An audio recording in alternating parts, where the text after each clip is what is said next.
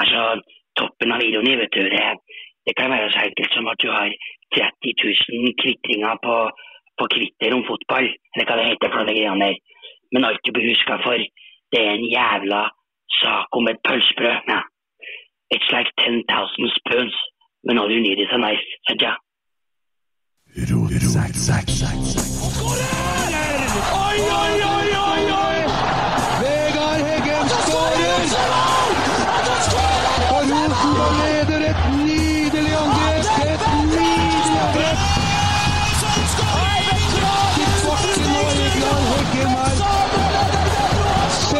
Se det synet!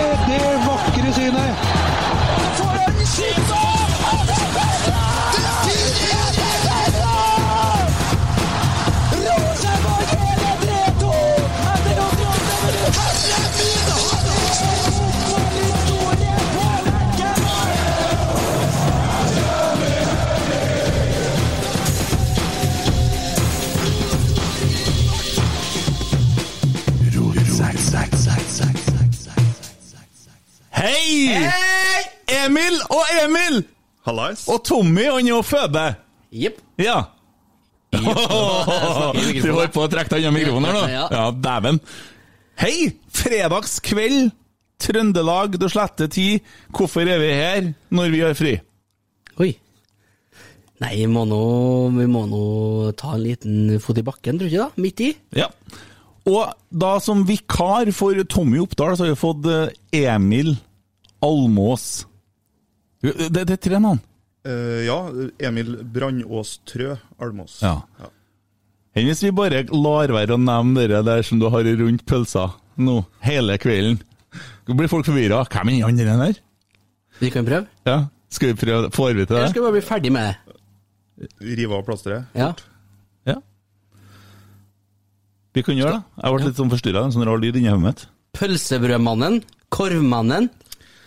Ja, Le boulanger de sauces. ja, du har den, du. Ja, det er, det er mye språk nå. Ja. Fransk det siste der. Det er jo helt tullete, hele greia. Men eh, det er nå sånn, da. Ja. Så jeg får nå bare stå i det, tenker jeg. Jeg har jo to valg. Enten så kan jeg skyve meg unna og synes at det er kleint, eller så kan jeg embrace det og ta imot med åpne armer. Så jeg syns du er god på det. Ja, takk. For du kan ganske mye om fotball òg. Ja, ja, det vil jeg jo si sjøl, da. Det, jeg bryr meg, veldig, bryr meg veldig mye om fotball, i hvert fall. Det tror jeg folk eh, merker rundt omkring. Og så er han eh, positiv, positiv, vil ha god stemning og engasjement, og det er viktig. Ja. Det liker vi. Ikke sånn negativt, men det må ha litt opp. Opp! Ja, ja, vi må jo framsnakke det vi er glad i. Og, og det er første gangen jeg møter deg ikke på Lerkendal! Men vi har Ennå har du møtt ham flere ganger på Lerkendal. Ja! Og jeg har, jo, jeg har jo sikkert trøndersk rekord i å få være på Lerkendal i år. Så det røyk jo i det jeg skrøt av det akkurat nå, tenker jeg. Nå får han ikke komme mer dit, da. Men, men.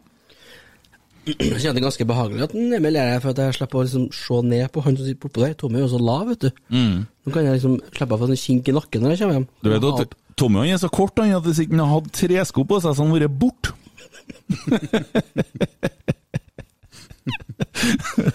så det Nå er ikke han her til å forsvare seg. Nei, han Tommy han er jo føde. Han har føda siden mandag, han. Ja, det er en lang fødsel de holder på Det med. er det. Ja. Men eh, hva, skal, hva skal barnet hete, tror du? Jeg har et forslag. Oi, det har jeg ikke tenkt så mye på.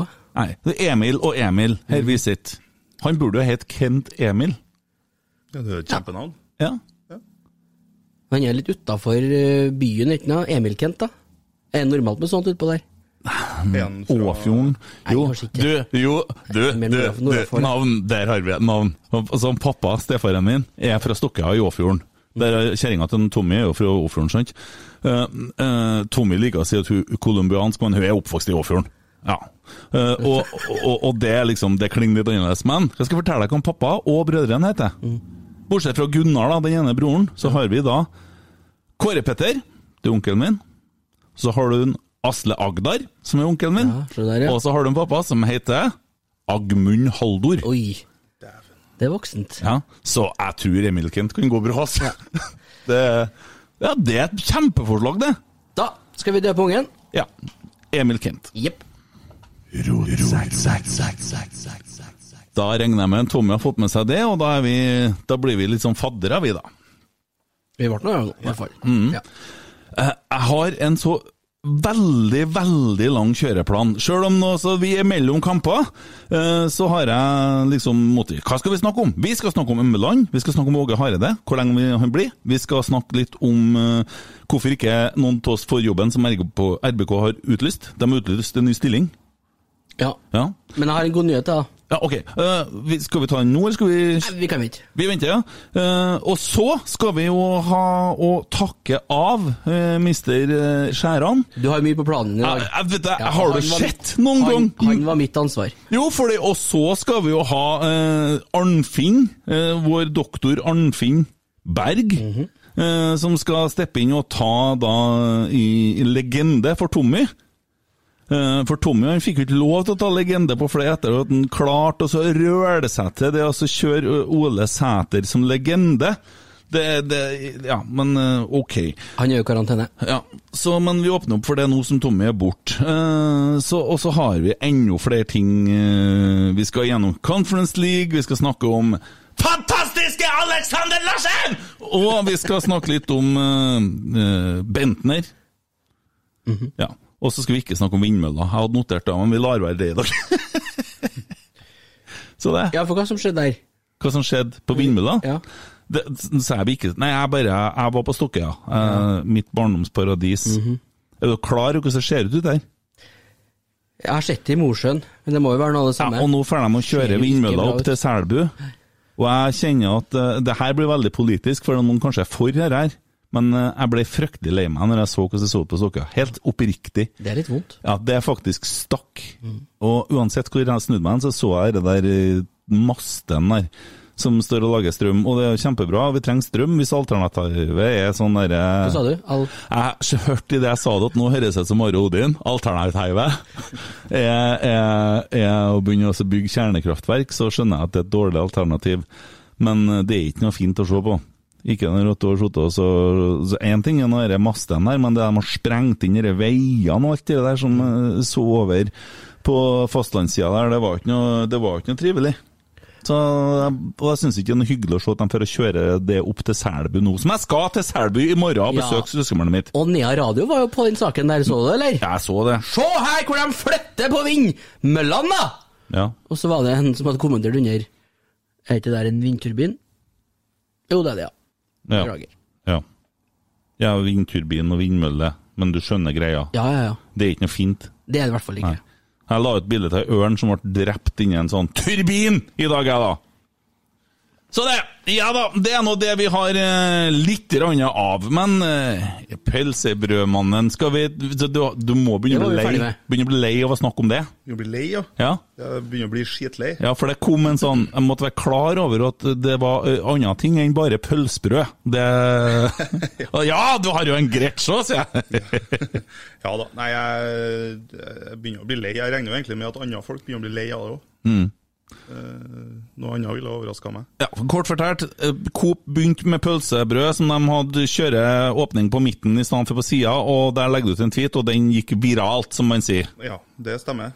Tok jo fullstendig av. Eh, ble jo kontakta av eh, fire forskjellige aviser eh, dagen etter som ville lage eh, ville lage sak på det. Dagbladet ville ha hjemme hos-reportasje hos pølsebrødmannen.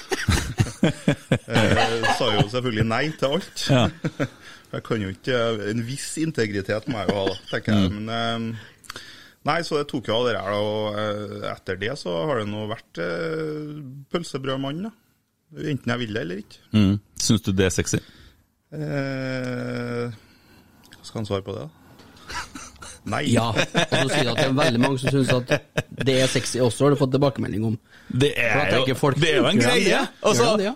det, når at jeg kom på Lerkendal, møtte jeg første gangen Altså ikke sist vi var på Lerkendal, den gangen før vi var på Lerkendal. Ja, ja, ja. Så, så det er en pølsebrødmann her. Det er en pølsebrødmann. Ja, det er pølsebrødmann. Å, dæven, det er pølsebrødmann. Jeg kom jo litt seint, Ja. kjent stil. Ja, ja, Og så sa du 'Sjøl hvem sitter her, eller? Og så snudde jeg meg, og så sa jeg nei. Og så sa du 'Det er pølsebrødmann'. Ja, faen, det er det, ja! Ja. Og så ble jeg litt starstruck, faktisk. Ble du det, ja? Litt, rann, ja. Jeg er to år, da. På en skala av til 100. Men dere kjenner jo konteksten. Yep. Det var- Tenk dere dem borti Sverige som fikk servert eh, historien. Eller de fikk jo ikke servert historien, de fikk jo bare servert eh, navnet. Ja. Uten kontekst. Så eh, jeg vet da søren hva de tenker om meg, men eh, det må de nå få lov til. Ja, dere? Hey there, people, I'm Bobby Brown. Vi har en annen kar som uh, har jobba seg opp til ti sekunds pinlig stillhet. Jeg bare tar den med en gang. Igjen, eller? Snakker om å gå viralt. Snakker om uh, folk som uh, som uh, Ja, hva skal jeg si? Ja, det er noe sånt som det skjer. Og så er det noen som gjør sitt. Starta for 20 år siden du, med Big Brother, og at de begynte å gjøre ting for å komme i media. Og det har jo bare utvikla seg ganske bra. Men det er jo én mann som har klart det siste uka å på en måte bli bildet på det her viruset eh, utad. Få å gi, gi viruset et ansikt. Den nye smitten, den totale nedstengninga av Trondheim. Så er det en mann som har klart å gjøre det. Og ja, hva skal man si? Jeg har eh, i hvert fall eh, tenkt eh, Jeg driter nå i hele Bendik Rognes, jeg. Men så gjør ikke jeg, vet du. Nei. Han dukker opp igjen, han. Jeg har noen ting jeg skal si til deg, Bendik. Å ja, du har jo forberedt noe? Jeg har det. Han Geir Arne er ikke her å si det, for han ville ha revet deg et nytt et. Så jeg, skal, jeg klarer ikke å Altså, jeg er ikke i nærheten av Geir Arne, men uh, Det er lov å prøve. i Geir Arnes ånd, ja. Eh, du, Bendik, må være så ufattelig mye dummere enn hva jeg trodde, og det står i overskrifta for Nidaros, du skjønner ingenting. Nettopp, du skjønner ingenting. Du fikk deg enda en sak, du gjør det igjen, og flere henger seg på, til og med ordføreren henger seg på. Du får Kruppe og co., som er her til å fremstå som skolelys. Du virker så dum at tankene mine går igjen til havet og plastikk, og kanskje så er ikke jorda noe å berge. Kanskje skal vi bare fortsette å montere vindmøller og drite i alt. Kanskje bare skal vi la det stå til. Denne gangen kommer det utsagn som en Paradise uh, Hotel-deltaker. Jeg er ikke så god på det, vet du, fordi at jeg er gammel! Det er du. Ja. Som skal ha oppmerksomhet, samme hvor idiot man er. Du vet, jeg spiser sånn dritunger som deg til frokost.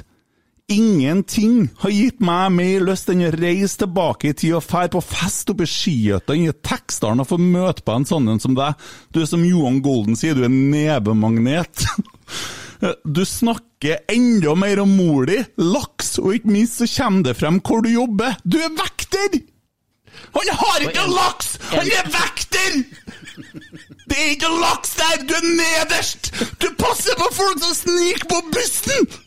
Det er ikke vekt, det er ikke laks, det! Jeg kan fortelle deg litt om laks! Faen, ass! Og spør det, Emil. Han sitter her og vet hvor lite laks det er i vekterbransjen. Det er jo ikke det, du bærer laksen! Du får se laksen!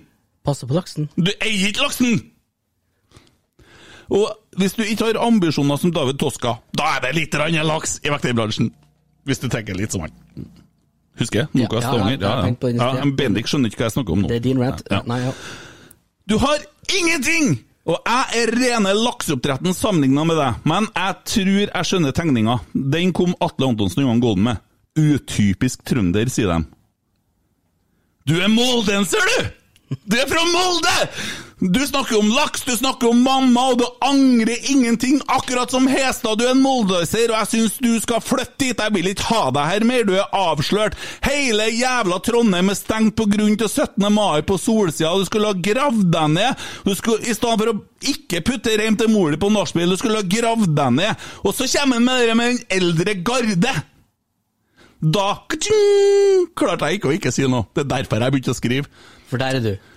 Du, Bendik, et resultat av den eldre garde, fordi at vi for å banka hverandre på skitopp i Tekstdalen da vi skulle ha oppdratt deg. Så det er vår skyld at du er der du er. Det er tomt. Det er, mi, det er sånne som meg sin skyld. Ja. Mulig mora di tok noen slag i svangerskapet òg, som Geir Arne ville ha sagt, men det kan ikke jeg si. Geir Arne ville ha snakka om å søke abort nå. Det kan ikke jeg si. Jeg ville òg jeg vet ikke om jeg skal tørre å si det, vet du. men jeg kunne ha, hvis jeg skulle dratt det enda lenger, da Det kan jeg ikke gjøre her, sant? Ja, Nå er spent. Du er så femi med den wannabe exit-looken din at jeg ser for meg at man kan ha sex med sånne femikladde som deg og allikevel ikke føle seg noe annet enn heterofil etterpå. Flytt til Molde, la meg slippe deg. Og så må media begynne å beskytte sånne mot seg sjøl. Jeg burde bare la denne her passere, jeg òg, men jeg klarer ikke, for det kommer eldre garde. For faen. Og du er sikkert for dum til å bli redd, så straks vi er ferdig her, så skal jeg ned på Solsida, og så skal jeg spille GTA Go. Så til den faste spalten. Ti sekunders pinlig stillhet.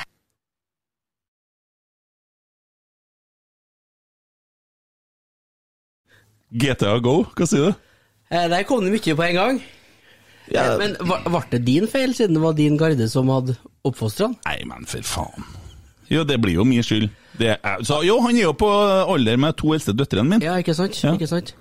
Men eh, nei, hva skal vi si, Emil? Eh, altså Så kommer det noe fra Emil Jeg liker han fyren litt. eller Nei, noe sånt. men først må jeg framsnakke vekterne, føler jeg, for det er jo min gjeng, ikke sant, de, de er gode. Og det, du kjenner ikke millioner, sikkert ikke, men, eh, men eh, det er overall en god gjeng. Og så er det én ting skal han ha, han fyren her, da. Stå i det.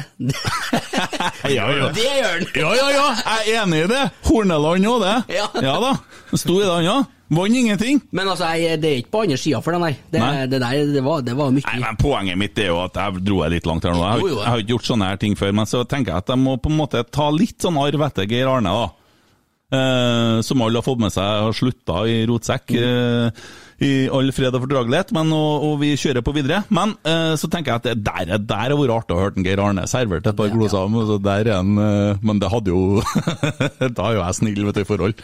Men litt, litt kan vi jo gjøre stas på gutten, for at eh, det blir bare for dumt. Hva hadde du plukka på dere, Emil? Hva du sa nå? Hva hadde du plukka på dere? Vet du, Jeg jeg har hørt meg sjøl prate på podkast. Har du hørt noe så jævlig før? Hæ? Han var så uheldig og skulle på en episode her om dagen. Jeg skulle høre på trollprat, og så kom han bort i rotsekk. Ja. Men Jeg hører jo ikke sjøl hva jeg sier. Gjør ikke det? Nei, egentlig ikke. Nei. Snakker som en 14-åring altfor fort. Ok, sånn ja. Men du har, du har på en måte begynt nå å snakke i mikrofonen, ser jeg. Ja, nå er jeg, jeg, må, jeg har jo skjerpa meg. Hva har, hørt, hva har du plukka opp av dere, Emil? Ja, han Bendik der, ja. Skal Jeg ta tegnspråk òg. Ja, Nei, det går fint. Eh, han eh, Nei, han eh, Hva skal han si, da? Han er jo en dust, da. Men det, så det er jo bare altså, Jeg kunne bare ha kulene og sagt ok, jeg jeg var full, eller Ja, sånn. ja. Men vi fortsetter jo! Jo, men det skal han ha, da. Altså, jeg tenker Én, han er en dust. Eh, Men han eh, står i det, som dere sier. Det er en standhaftig dust vi har med å gjøre her. Ja, Men han ser ut som en moldenser. Han snakker som en moldenser. Jeg har jo ikke hørt dialekten hans, men jeg skjønner jo hvor det der kommer fra. De sier jo at Atle Antonsen han er en utypisk trønder. Ja, han er jo moldenser. Ja, han er det? Ja, ja. Så det, der er jo svaret. Ja. Så da har vi negla den, og gitt eh, ti sekunder spinnende stillhet, og her, her rentene skal jeg aldri gjøre mer. Herregud. Jo, jeg må ta en til. Jeg tar det med en gang! Oh, ja. Ja, trollprat. Jeg er glad i en Rune og en Rune og guttene i trollprat, men var litt negativ sist, gutta. Dere var litt negativ. Dere snakker om verbale overstegsfinter. Et lite, en lite gulkort her nå. Fordi at dere sier at Hoff tapte kampen i Sandefjord for oss alene. Og bare for å ha sagt det, vi vant den kampen, og da syns jeg man er over kanten negativt når man sier at man tapte kampen alene, for vi vant kampen! Det var ikke godt spill, men vi vant! Vi gjorde det. Ja, ja. Å si at Dino er dårligere enn Nikki Bille, det syns jeg er drøyt. For at Dino han var god han mot Stabæk når vi, vi var her på kampen og satt på vippen og så her, og etter pausen så funka jo. Ja, hun kom seg. Ja. Får han mata rette innleggene, så tenker jeg at det er bra. Og jeg er òg uenig i at Åges hårføner mot Stabæk var unødvendig, for det er tydelig at det fungerte i pausen. Ja. Ja. Enig. Jeg vil bare, bare nevne det. Gutter, dere er negative nå også. Dere er negative, vi ligger øverst, vi må være positive. Et lite gult kort til, til trollprat. Lite, Det lite. kan være lov å dele ut gullkort Ja. sånn imellom podkastene. Hører på podkasten og må få meninger! Ja. Vi kan ikke sitte og være likens! Nei. Nei. Å, hellige jul! Hva skal dere si om denne rettssaken Embland og alt det der, da? Er det Like greit at det ble som det ble, eller? Ja, fader. Minst mulig styr, tenker jeg. Men det er jo helt utrolig at Rosenborg ikke klarer å øh, avskjedige ansatte uten å havne i retten. Tenker jeg, da. Jeg følte meg så trygg på at de sa at det her tar vi til retten! Det her det her går hele veien! Ja. Da tenkte jeg åh, takk Gud, nå har ikke vi dumma oss ut. Jeg har jo faktisk satt opp spørsmål til Bjørn Skjæran når han skal i retten etterpå. Om det blir Ja. beramma i år Ja. eller senere. Det skal faen. Ja. Bjørn Skjæran, skulle vi ha begynt å koble på han, kanskje? Eller skal vi, hva mer kan vi si om Embeland? Jeg, jeg tror den nyheten kom Fleste var vel forberedt på rettssak. Den nyheten kom fort og hardt, og ferdig med det. Ja. Jeg tror, jeg tror det er like greit å bare si at man er ferdig med hele den, den sagaen der nå. Mm. Uten tvil. Mm. Det var litt mer nøktern han enn Kåre. Skulle ikke ha like mye. Kom det fram eh, noen Det var har ikke sagt noen det for, eh, helt i starten, da. Det var et par millioner, eller hva det var. Jeg er ikke sikker, nei. Nei, det er ikke det. Er ikke, det, er ikke, det er ett års ekstra med lønn, da. Så, sånn som jeg har skjønt det, så er det jo Dette her har han Petter Rasmus ganske klart, men og Det er vel ingen som har skrevet om hva forliket gikk ut på, helt til Nei, slutt. nei, det er jo det at Embeland valgte å forlenge kontrakten sin, for han kunne velge å forlenge den. Og så er det på en måte ganske klart i dagen at han, de var jo ferdig i Rosenborg. Og, og når de er ferdig, så kommer han og forlenger den sin etterpå. Mm. Det som jeg har forstått det. Det er mulig at jeg misforstår, og noen kommer til å rette på meg her. Eh, og da blir det litt sånn Er du seriøs, eller? Du, vi vil jo ikke ha deg her engang. han har jo det i kontrakten at han kunne gjøre det, og så velger han- velger han å gjøre det. Ja. For det er Rosenborg som ikke vil ha han her. For at vi har sluppet arbeidsretten. Man kunne allikevel for, Så det er en tabbe her, altså. Ja, det høres sånn ut, ja. Ja. Så, men det er liksom hvem i faen er som uh, Embeland tok en juridisk overstegsfinte. Ja, det tror jeg faktisk også. Og da må vi bedre begynne, for det her Vi har jo sparka så mye trenere nå, vi skal jo begynne å bli gode på det. Jeg, satt, jeg delte jo en video i dag, eh, fem ganger før jeg fikk det rett, vel å merke, men jeg sitter i stua og ser Rosenborg mot dere Hva heter de? Valur? Valur, ja. Ja. Ja, den Og, fra 2018. ja, dagen før han Kåre fikk sparken, vet du. Ja, ja, det var det. ja. Skal du sende link til vet du, han kompisen, eller skal vi, og så skal vi høre litt om han eh, Bjørn? Bjørn Skjæran. er med oss. Og da, vet du, har vi fått med oss Bjørn Skjæran på Zoom her. Hei sann! Hei, hei. Hei, og velkommen til Rotsekk. Tusen hjertelig takk. Det var veldig hyggelig å få lov å være her. Ja, vi ønsker jo veldig gjerne å gjøre stas på en hedersmann som har vært i Rosenborg i tolv år. Du, det syns jeg var uh, veldig rørende når jeg fikk eh, forespørsel om det. Så, så uh, takk for det. Jo, jeg har vært i tolv år ja, i, i Rosenborg. Jobba der innen 2009, har jeg. Ja. Veldig typisk trøndersk dialekt du har der. Det er Ja. Frosta Det er fra eh, veldig sånn inntrøndere. Litt utenom Frosta, tror jeg faktisk. Ekne. Men jeg pleier altså å si jeg er født i Trondheim, og det er viktig. Jeg er født på Lade.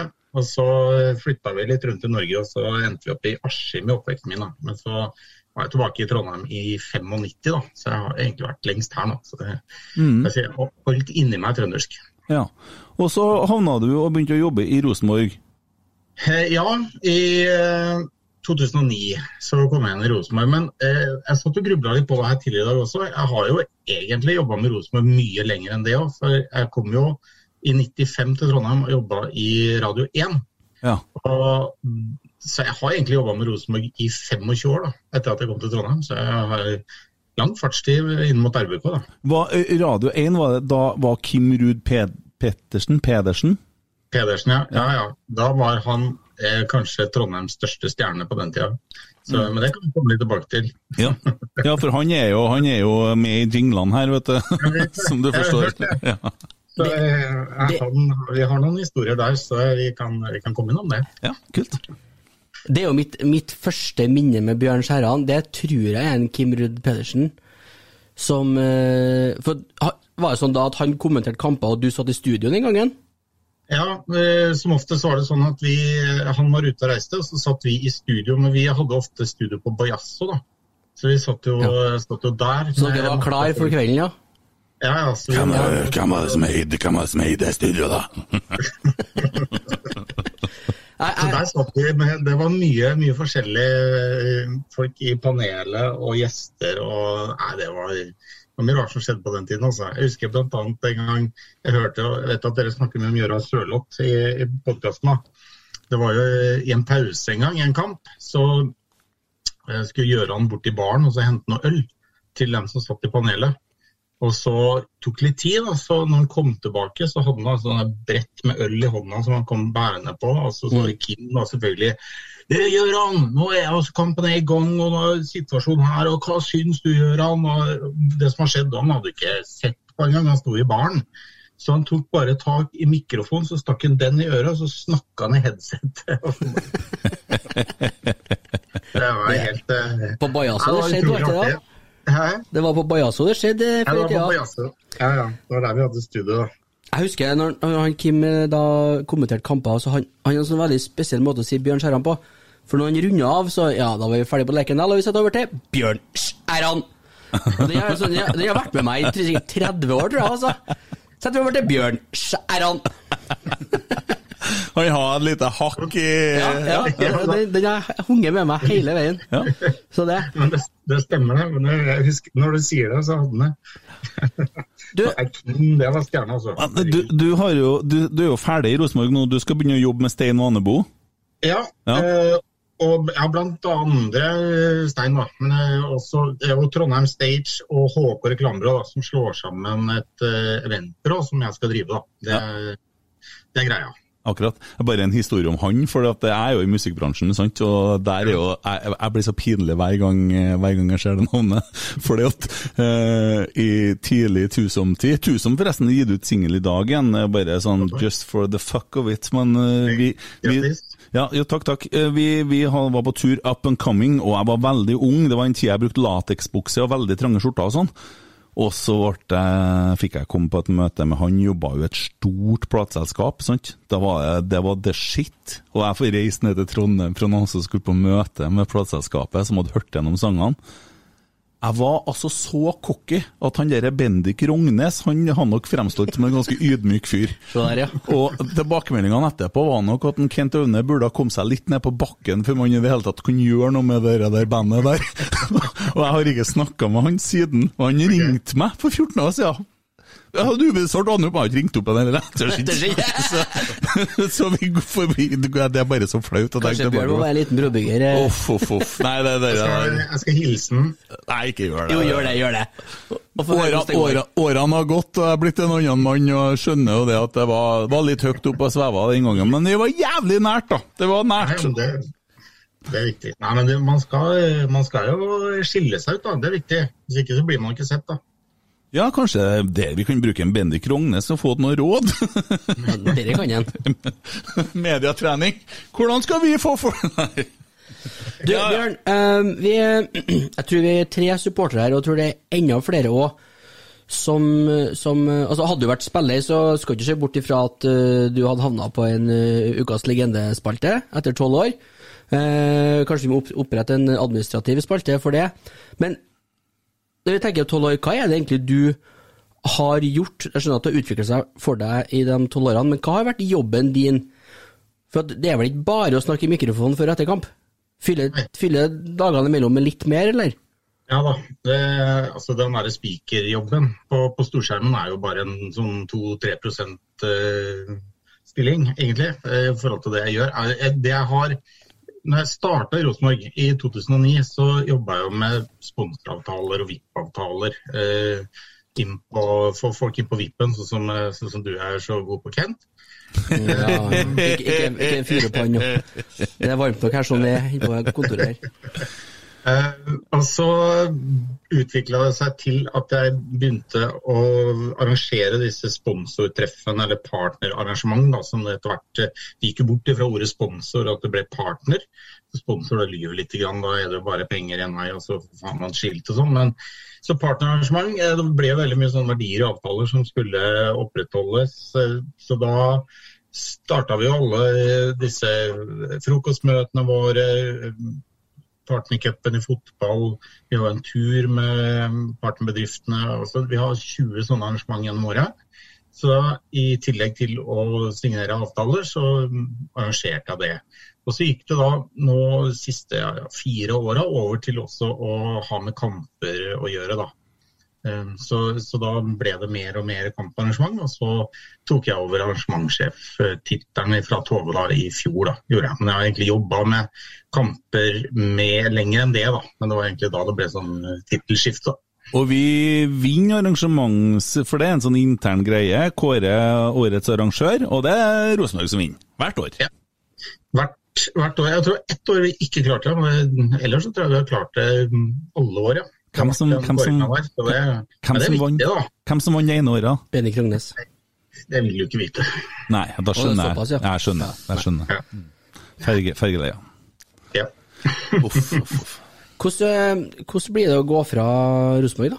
Etter tolv år? Eh, Det blir eh, litt rart, fordi at Rosenborg har vært eh, en sånn livsstil, egentlig, mer enn jobb. Eh, Så du lever med det 24-7. Du er mye på jobb, og så handler det veldig mye om fotball også utenom jobb. Eh, Når jeg treffer folk, så, så snakker man fotball, og man, man lever med det hele tiden. Så, så det kommer til å bli eh, litt rart. Og så kommer jeg til å savne kampene, tror jeg. Altså det, det som skjer på Lerkendal, det er jo eh, spesiell stemning der også. Så, men det skal jeg nå kanskje få mulighet til å oppleve. Da. Jeg skal nå tilbake til Lerkendal og se kamper. Men, men akkurat det eh, blir, blir nok et savn, ja. Det gjør det. Men, men sånn er det. Man får et tilbud som man ikke har muligheten til å si nei til her og da. Livet går videre, og så får man noen nye muligheter eh, som man skal jobbe med. Sånn er det.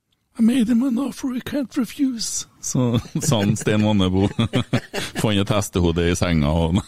Men det som du jobber med nå, og han Nå husker jeg dessverre, det er jo dårlig research her, jeg skulle hatt navnet på han nye karen, men eh, ja ja.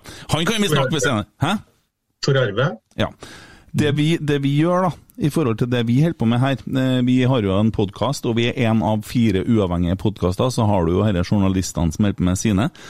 Eh, vi, vi tenker jo, jeg tenker jo hele tida hva kan jeg gjøre for å få folk til Lerkendal? Og det er vel det dere vil? Altså, det er jo det, vi, vi gjør jo det vi kan vi for å få til et engasjement, og det her er jo det er jo ikke akkurat noen som har kommet her og betalt oss noe for det her, vi gjør det jo bare med hjertet. Ja, og det, er- det jo det som er spesielt med Rosenborg også. Det er jo derfor Rosenborg er et lokomotiv i Norge òg. At vi har så mange eh, ambassadører sånn som dere. Altså det, det er også syk passion eh, og lidenskap der ute. Eh, og det er jo som jeg, Nå har jeg jo jeg faktisk fått et lite sånn eh, Jeg må ærlig innrømme at jeg er litt så dårlig på podkast. Jeg har hatt en sånn eh, rotsekkmaraton i dag mens jeg har, har sola meg og snekra i dag. Så, altså, jeg, blir så, jeg blir så imponert over hvor lidenskapelige dere er, og egentlig hvor mye kunnskap dere har om Rosenborg. Og det tror jeg er litt spesielt eh, med Rosenborg, at det er så mange som vil så mye og vet så mye. Eh, altså Jeg jobber jo i Rosenborg, jeg, jeg tror nesten dere vet mer om Rosenborg enn meg. Så, eh, så, og, og det er så viktig, for det er grunnen til at man får Rosenborg til å være på topp hele tiden. Eh, og Det medfører da at det er mye folk på eh, stadion. Spillerne yter det de skal osv. Så, så det, er, det er fantastisk. Det engasjementet rundt Rosenborg det helt enestående. Ja, og jeg, jeg tenker, jo, tenker jo bare i forhold til det som vi holder på med nå, og, og jeg har jo begynt å skjønne, før jeg hørte på medlemsmøtet, det er sånn Nivar snakker om at uh, vi må gjøre noe for å få yngre folk til å komme på kamp, og at det skal trende og alt mulig sånne ting. Bang, bang, bang, podkast er nå det vi kan gjøre. Mm.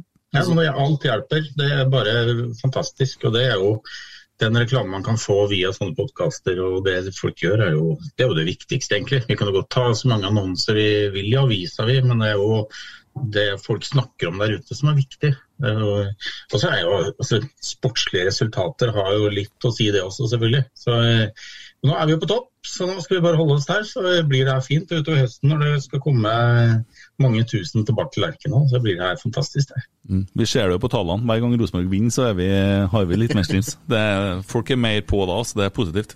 Ja, det er jo det, men så ser jeg jo dere som er så lidenskapelige også, dere har jo evnen til å på en måte riste av dere litt òg, hvis det skulle gå, gå dårlig. Og det er jo som de gode gamle, som Christer også sa her, som dere har vært innom, han, det var kamper de tapte før òg. Det har ikke alltid vært eh, bare bra.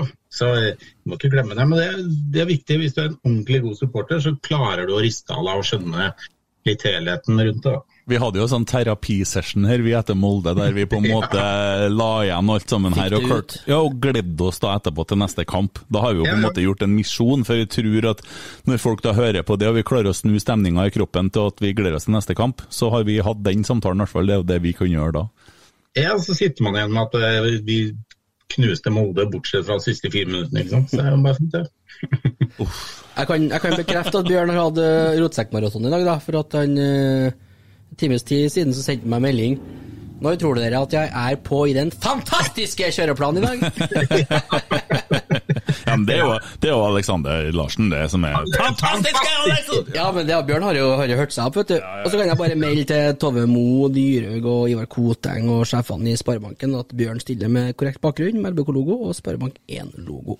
Selvfølgelig også en hyllest i kjernen bak der også. Det er litt kult, Ja, da, for det er bare akkurat den tifoen der, når det kastes den konfettien der ut, så mm. var det jo ei som het Berit som jobba i Rosenborg, gjør ikke nå lenger. Berit Eh, Ja, Sørensen. Og ja, dere vet jo selvfølgelig. Det er jo det jeg sier, dere vet jo mer om meg, nesten. Bare spør du på nå. Hun sa da rett før kampen her, da, en halvtime før, at eh, Kjernen skal kaste noe sånn konfetti. Ja, men så blir spørsmålet fra Tove ja, tror kampen kommer til å bli skjedd med kampstart. Nei, nei, nei, no problem, ass, sa hun. Det ble utsatt. Har du fått med dere her eh, Da kan vi jo koble inn den her, her som ligger på halvmaraton Larsen. Mm. Har du fått med halvmaratonet vi holder på å rote med, eller? Nei, jeg tenkte jeg ikke skulle komme inn på det. Ja. Jo, jeg har hørt det, ja. Ja, ja. Det, er- det er veldig bra. Altså. Det er fantastisk. En god sak. Da, det skal gå til TIFO-penger, skjønner jeg. Ja, Det aner en viss frykt her, at jeg skulle begynne å utfordre deg til å springe noen ting. Jeg ser, ser frykten i øynene. Nei, jeg skulle bare ha frem det at vi, vi jobber med saken, og vi skal få til TIFO-oppheng, og at vi skal vi holder på å ordne litt der. Når du først hadde kjernen i bakgrunnen, det var bare det. Skulle ikke, skulle ikke øh, begynne å rote deg borte i Trondheim Maraton. Selvsagt, hvis ikke du har jævla lyst til å være med og springe, så skal du selvsagt få lov til det. Det er lov å sette en hundrelapp eller to på noen, da. Det er lov til å sette det. penger øh, Ja, ja, det er lov til det. Ja, Alexander Larsen, det, eller eh, Det skal jeg gjøre. Jeg skal heller være med og støtte, støtte litt, tenker jeg. Eh, Men jeg har vært litt involvert i TIFO-penger, da. Eh, Så det kommer jo til å bli fantastisk. Eh, Det gleder jeg meg til å se. da. Mm. Så det er der vi skal få hjelp til å få oppretta sånn system for å finne en plass der vi skal plassere pengene og alt mulig sånt. Så, uh, som en Emil her òg har spytta inn litt penger, vet du. Uh, ja, ikke Takk- takk du. for det. Nei, ikke Nei, du. nei. Nei. Han ordentlig Emil. Ja, jeg prøver jo ikke å bruke Karbretsmannen nå, da, men Setter pris på det. Takk. ja, ja. Jeg må gi, ja. Må gi penger. Ja. Det er viktig. Ja, ja. og Kjernen det er viktig. er viktig, og da trenger de penger. ja. Men det koster Det er dyrt, da. Jeg har jo sett eh, noe regnestykke på det, så det er ikke billig, det greiene her. en halv million, hvis du lurte på det? Ja.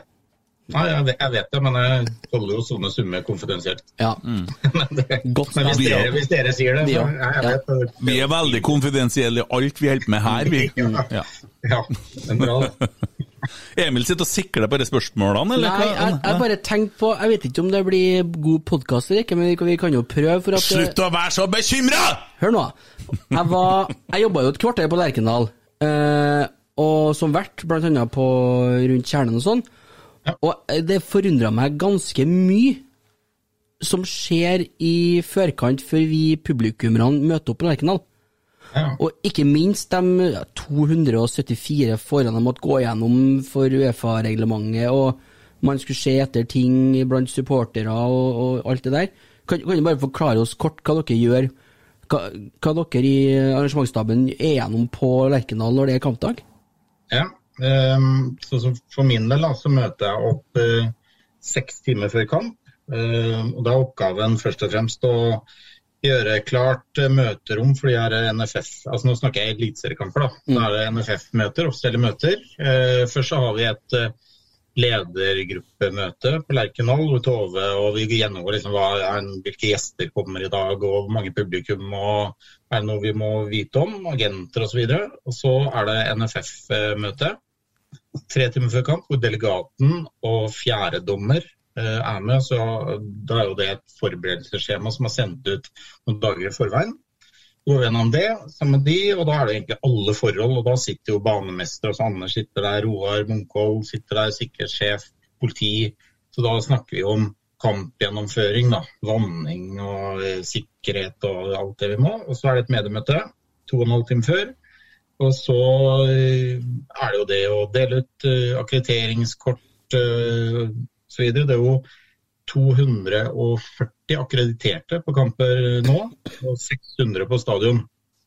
Så det er mye folk i sving, da. Og så er det jo crew som møter opp eh, to timer før. Tribunledere er sammen med de, leser opp de på alle de reglene og protokollene og smittevern noen dagen. og Passe på at folk holder avstand. Ja, det er masse sjekkpunkter da, som vi skal gjennom da, før, før kamp. Så det er, det er veldig detaljert, altså. Så, Det er ikke bare å låse opp porten. Det er ikke bare å låse porten. Det, det er ganske mye som skal på plass. Jeg har jo bildet som vi skal bruke, i en T-skjorte som holder på å rote med og prøve å finne pris på, for den saks skyld. eh, Det er til en onkel Bjørn, du har kanskje hørt litt om det da i de podene her. Jeg har jo, og det, det, Den gangen så var det mer sånn at man åpna porten, tror jeg. Det kunne se sånn ut oppi klokkesvingen. Det var det nok sikkert, ja. Russen bare ramla nedover klokkesvingen. Ja, det var, det var nok litt mer eh, slepphendt. Men, eh, men det som er litt kult, da, eh, det er at vi har hatt en del Uefa-kamper på Lerkendal som gjør at vi har, vi har høyna nivået litt på Lerkendal i forhold til eh, andre klubber, sier delegatene da, som er på plass. da. Så, så det er litt kult, den uh, erfaringa vi har fått derfra. Det, den er viktig. da. Så vi, vi gjør litt sånn ekstra ut av kampene våre. Du, Men det må vi jo, for det er som i media som retter øya mot oss. og Vi kan ikke, vi kan ikke tulle og tøyse. Nei, Da er det godt å være best, vet ikke det? Ja, ikke sant? Og så blir man best òg. Det er jo en kåring nå som viser at du gjør det best. Så det er jo bra, det. Du, Vi skal ta litt spørsmål fra lytterne Ja. her. Eh, Det er jo litt spennende vet du, å høre hva folk eh, tenker og lurer på. Ja. Eh, Malin Myhren hun bare kommenterer egentlig 'Herud god', Bjørn. Vet ikke om du kjenner henne eller ikke, men uh, Kjenner Mali hun var også innom klubben en liten stund, hun også. Nyutdanna prosjektleder fra i Australia. Så jobba med bl.a. Trøndelag på kamp. Eller eh, vi skulle ut og besøke de her kommunene. Så kom jo koronaen. Så ble det dessverre ikke noe mer engasjement for Mali. Men hun er, hun er flink. da fikk Malin litt eh, tid òg. Jo, men eh, det er dere der Trøndelag på kamp, og det er skjerfene med Kolvereid på, det treffer de Kolvereid. For så sang etter, vet du. Jo, de Kolvereid-guttene, vet du, dæven, der er, det er, det er stort, altså. Det Ja, det er, jo, jeg tror alle i Kolvereid er med i den klubben her. ja, det, den supporterklubben oppe her er svær. Jeg har vært inne her. Eh, Jeg har jo bodd på Rørvik eh, en Ja, ja. liten stund, og kjenner jo noen av guttene der. Det er helt enormt, vet du, det de har fått til. Og de reiser jo nedover. De kjører lenge i buss altså, for å dra på kamp. Vi snakker om at du møter opp seks timer før kamp. De Ja, begynner å kjøre seks timer før kamp, så, så skal de kjøre det etter Like kamp. langt igjen. Like blid! det er drøyt. Men det, det, det sier det er jo lidenskapen og passionen som, eh, som er så fantastisk. Ja. Du, eh, Storli understrek 98 spør hva gjør at Bjørn Skjæran ønsker å gi seg etter tolv år i RBK? Altså, Er det noe svar på det annet enn at du rett og slett har fått et nytt jobbtilbud? Nei, det, det er bare det, altså. Rett og slett. Jeg har, eh, jeg har hatt en fantastisk tid i Rosenborg. Jeg har storkost meg med, med Rosenborg. Men så har jeg rett og slett fått et tilbud som jeg ikke kunne si nei til. Å få lov å drive det nye eventbyrået her og få være eier i byrået der. Jeg, så er jeg nå snart 50 år, og eh, når det der jeg, jeg kunne ikke si nei. Det har vært eh, idiotisk. Livet går videre. Ja, livet går videre. Sånn er det, altså. Apropos eventbyrå og sånne ting, bare skyte inn en liten en. Vi har jo allerede snakka om dette negative ordet trubadur, men samtidig så må du spørre en Bosse Iversen, han kjenner du jo. Hvem er Norges beste trubadur? Bare spør om det, og så sender jeg deg nummeret mitt der på, på Instagram, eller Så dere blir Jeg gjør det. Ja. Skal jeg ha deg Da snakker vi laks, Bendik! Der blir det laks på solsiden. du. Bendik kommer og står for sikkerheten her. Hæ? Bendik kommer og står for sikkerheten. Og Han må ha Securitas og han må bære av laksen etter spillinga, vet du. Jepp. Nummer to fra samme mann. Kommer Bjørn til å se Rosenborg-kamper på Lerkendal? Du var det så vidt innom det i sted, men Nei, Men eh, selvfølgelig må jeg jo det. Jeg er jo nødt til å Jeg skal få en godvilje av Tove, tenker jeg. Få noe, ordne meg noen VIP-plasser. Så kan jeg ta med Kent innimellom. Nå snakker vi Nei, allerede laks. vi. Eh, Vi snakker laks, og vi, eh, det er klart, altså, da, da blir det jo plutselig litt billigere, dette her Norges beste eh, underholder, vil jo jeg si. da, Jeg liker jo ikke ordet trubadur, men eh, altså, det er jo ikke en, det er ikke en, eh, Det er viktig. ja, det er ikke en setting en ikke takler, vet du. Her kan man altså- danse, her kan man flire, her kan man kauke.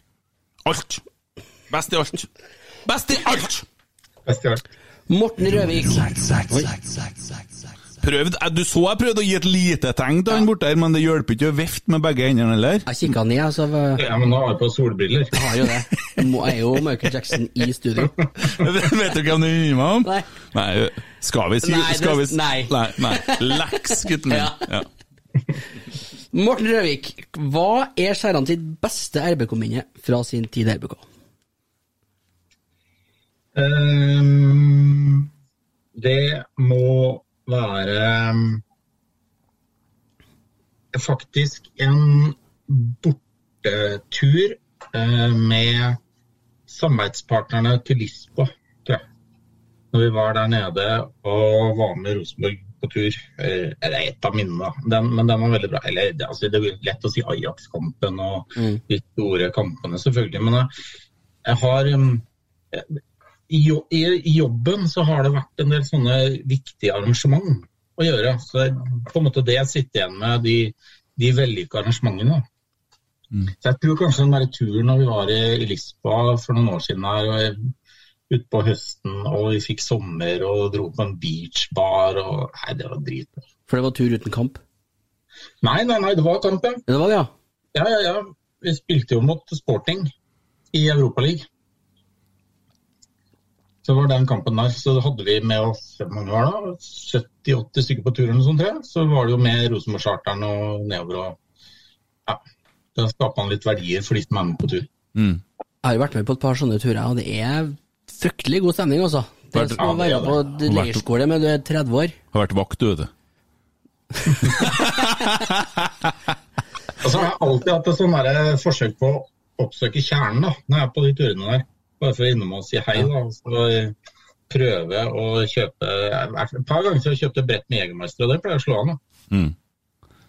Det regner med. Da blir jo Erik glad. Det hadde vært kult hvis du hadde sagt liksom når Emil spør «Ja, beste minne Nei, det var den dagen Åge Nei, den, eh, Kåre fikk sparken. Hun dratt på litt her nå. Du, eh, nytt spørsmål. Vi er jo veldig spent her nå på når du skal ha, ha opp din rettssak mot Rosenborg. For det er vel normalt ja, at man kjører det når man slutter der. Blir den beramma i år, eller?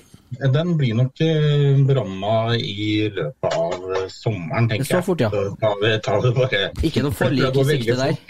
Det går kjempefort. ja, ikke ta forlik, kjøre på. Jeg står på grava. Ufordelaktig å si opp sjøl, da. Hvis Ja. du har gått rett rettssak. da. Ja, jeg vet, Ja, litt dårlig sagt, da. du vet ikke før du har prøvd. Nei, nei. Nei, for all del. Det. Får jo litt avistid, da. Lammen Bendik. Ja, ja. Ja. Men han jo kan jo stå i det, da. Mm. Jo, men det er viktig, det er viktig å ha meninger. Jo, for alle. Jeg skal, kanskje jeg skal gjøre et forsøk. Nei, jeg skal ikke det. Jeg har ingen grunn. Emil, har du noe spørsmål til Bjørn? Nei, jeg syns jeg har vært innom uh, mye bra her, da. Ehm, uh, nei. Jo, det, jeg tenkte litt på i stad. Er du Si at du ikke hadde jobba i Rosenborg nå, da. At de siste tolv årene at du har gjort noe annet. Hadde du vært Rosenborg-supporter da? Ja, ja. ja, ja. Ja. Det, er det, det vært. Ja. Så når vi bodde på Østlandet, for jeg er jo født i Trondheim og har vært masse i Trondheim gjennom oppveksten, så jeg har alltid vært Rosenborg-supporter. Så det, det var jo Mens jeg jobba alene, så hadde jeg et mål om å få jobbe i Rosenborg. Mm. Det var jo noe jeg sa hele tiden. Så, så det Nei, det selvfølgelig. Da får jeg lyst til å spørre deg om et råd, for at jeg sendte jo melding med en Jørgen uh, Stenseth her om dagen, for jeg så den nye stillinga som utlyst. Så jeg, dæven, det er jo meg, det! Jeg ja, holdt med lyd, jeg holdt med film, men jeg kan ikke så mye om TikTok og sånn. Jeg fikk jo svar med en gang, du er for gammel. Ja, gjorde det? Hæ? Det var dårlig gjort. Jeg er for gammel. Men der, der kom den gode nyheten min, da. Oh, ja. Egentlig. Nei, det var for du sa til meg, men nå skjønner jeg jo du at du skulle søke på stillingen til Bjørn Skjæran. Nei, ikke til Bjørn. Nei. Nei, nei, nei. Sa til meg, så. For hans stilling er jo ikke lyst ut ennå, den kommer vel sikkert rett om hjørnet? Nei, det er jo en som har fått, det er jo en som har fått den. Og den er tilsatt? Ja, ja, ja, følger du ikke med? Vi snakka om den i stad òg. Han har fått Den stillinga besatt igjen. Jeg leser jo ikke avisa, hører du. Å, herregud. Der ser du. Det, er, det har bare stått om Bendik, så det drukna Nei, litt. jeg var helt med, jeg. Du legger Ja. merke til. Men vi snakker om den nye. Han som skal sitte og lage filmer om spillerne, og som skal være litt på sosiale medier og jobbe litt med lyd, litt sånne ting. Jeg lager jo egen TikTok? Ja, det var der jeg knakk litt. Dere kan jo ikke jeg, vet du. Nei. Kanskje Bendik kunne hjelpe meg. Men Nei, jeg ser rett ut, du er for gammel, sier det, jeg tror det var en niåring med iPhone 20 som fikk den stillingen der. Det går ikke an å henge med på det lenger, vet du. Nei, det gjorde ikke det. Men eh, så ser han samtidig, da. Da får jeg jo Jeg sitter jo og blæser en samtale med Jørgen her nå, men jeg fikk nå et veldig godt kompliment. Jeg kunne si det, da. Ja. Hvis han de ansatte bare er halvparten så glad i Rosenborg som jeg er, så har vi kommet langt siden. Den er grei. Den er fin. Ja. Den er fin. Ja, ja, det tror jeg. Ja. Så Jeg er enig med Jørgen. fant jeg jo den videoen i dag da jeg fikk til svigermor første gangen de var på hytta, når jeg satt og skreik i sofaen når vi slo det der Vaulur, hva de heter det? Ja. Dæven, da var jeg, jeg var helt knekt. Tårene trilla, vet du. Jeg skulle jo sitte der det var første gangen jeg var nedpå der og skulle ta meg sammen og sånn. Jeg sprakk jo fullstendig, vet du. Sto i Europa, faen, vet du. Men det er viktig å være seg sjøl. Jeg så videoen at det du leverte på førstegangs der, da. Ja, det oh, oh, oh. Ok, men vi skal videre, vi. Bjørn blir med videre. Ja. Skal vi, vi skal jo ha med en, han Tommy, da, som han ligger og føder, vet du. Og ja, en av dem. Det kan jo hende damene som gjør det. Men de driver nå og jobber. De holdt på, holdt på siden mandag. Men det er det en kar som har tinga på, og for å få være for å få være eh, litt vikar, da. Han sendte jo en vaskeekte søknad, han. Ja, jeg skal bare, bare hente den opp litt. grann. Vent litt her. Til Rotsekk. Søker på stilling som vikar for Tommy Oppdals fravær som nybakt far. Han er ikke nybakt far ennå, men holder på å bli det. Godtar betingelser på kroner null i timen. Gratis levering av faktasjekker, utfyring av ukas legende og som frivillig boksesekk og jevnlig nedkjefting. Som Rotsekk allerede vet, så brenner mitt hjerte for Rosenborg ballklubb og beklager derfor min stygge romsdalsdialekt på forhånd, selv om jeg ble tvangsfødt i feil by og fylke mot eget ønske. Godtar derfor at pinlig stillhet går til dialekten min og dagens rotsekk til meg som ny ansatt. Med vennlig hilsen Arnfinn Berg, styreleder Nesse Medical Corp. Det er jo i ånden her, da, vet du. Du skjønner det, Bjørn, at vi har jo herja litt med Arnfinn Nesse litt tidligere. Vi drev og foreslo noe han som medisinsk ansvarlig for å holde enkelte personer fra benken, og det var ikke alle som var like imponert av det der, men det er god humor. Eh, Så Det er for så vidt en liten sånn Otto Jespersen-sak her på rotsekksida i dag om krenkesamfunnet. Arnfinn Berg! Hei! God dag, god dag. God dag! Dæken! Da er du med i Rotsekkpodkasten. Ja, det er nytt. Er det drypp det du hengt opp attmed deg der? Hæ? Nei, det var en lampe, ja. Nei, så ut som du satt med drypp. Jeg tuller bare. Ja, velkommen til oss. Ja, takk for det. Det var jo så rørende, det der, der med, med dialekt og at du er født i feil fylke og feil by. Hvor er det du sitter hen? Nå sitter jeg i Ålesund, da. For øyeblikket. Ja, sitter langt nede i Obos. Ja. Jeg hører hjemme der òg, tror jeg egentlig. Så det går fint, da. Ja. Og du er Rosenborg-supporter? Ja da. Sjøl er er fra Hitra, så da Ja. Da ble det sånn. Ja. Du, du er jo en sånn hardcore podkastlytter, har vi skjønt. For du er jo Jeg, jeg ser jo navnet ditt flere podder. Jeg, jeg følger med på alle Rosenborg-podder hver uke, egentlig. Ja. Og har vært en del på Lerkendal òg, skjønte jeg? Ja, jeg kan ikke si jeg har vært mest på Lerkendal, men det er over 20 kamper totalt, i hvert fall. Med tanke på at de bor så langt unna. Mhm. Det er kult. Og vi fant ut vi skal uh, finne i så fall å få muligheten til å lage uh, ukas legende, sånn at du kan på en måte avløse en, eh, Tommy litt på ukas legende. Mhm. Og det er jo kult. Da har du, da har du gjort som en Tommy og overhodet ikke forberedt deg. Du har Er det noe dere vil spørre om? Ta den spilleren du kommer på først. Jeg har forberedt meg godt. da. Eller godt og godt. Jeg har laget et lite manus, da, slik at jeg har, jeg har gjort litt research. Altså Med den søknaden som kom fra deg, så skjønner jeg at det er ikke overlatt til tilfeldighetene. Nei, det, jeg bruker å være godt forberedt, som regel. Ja. I motsetning til andre som uh, introduserer folk med tre minutter spilletid og ja. Hører dere nå? Ja.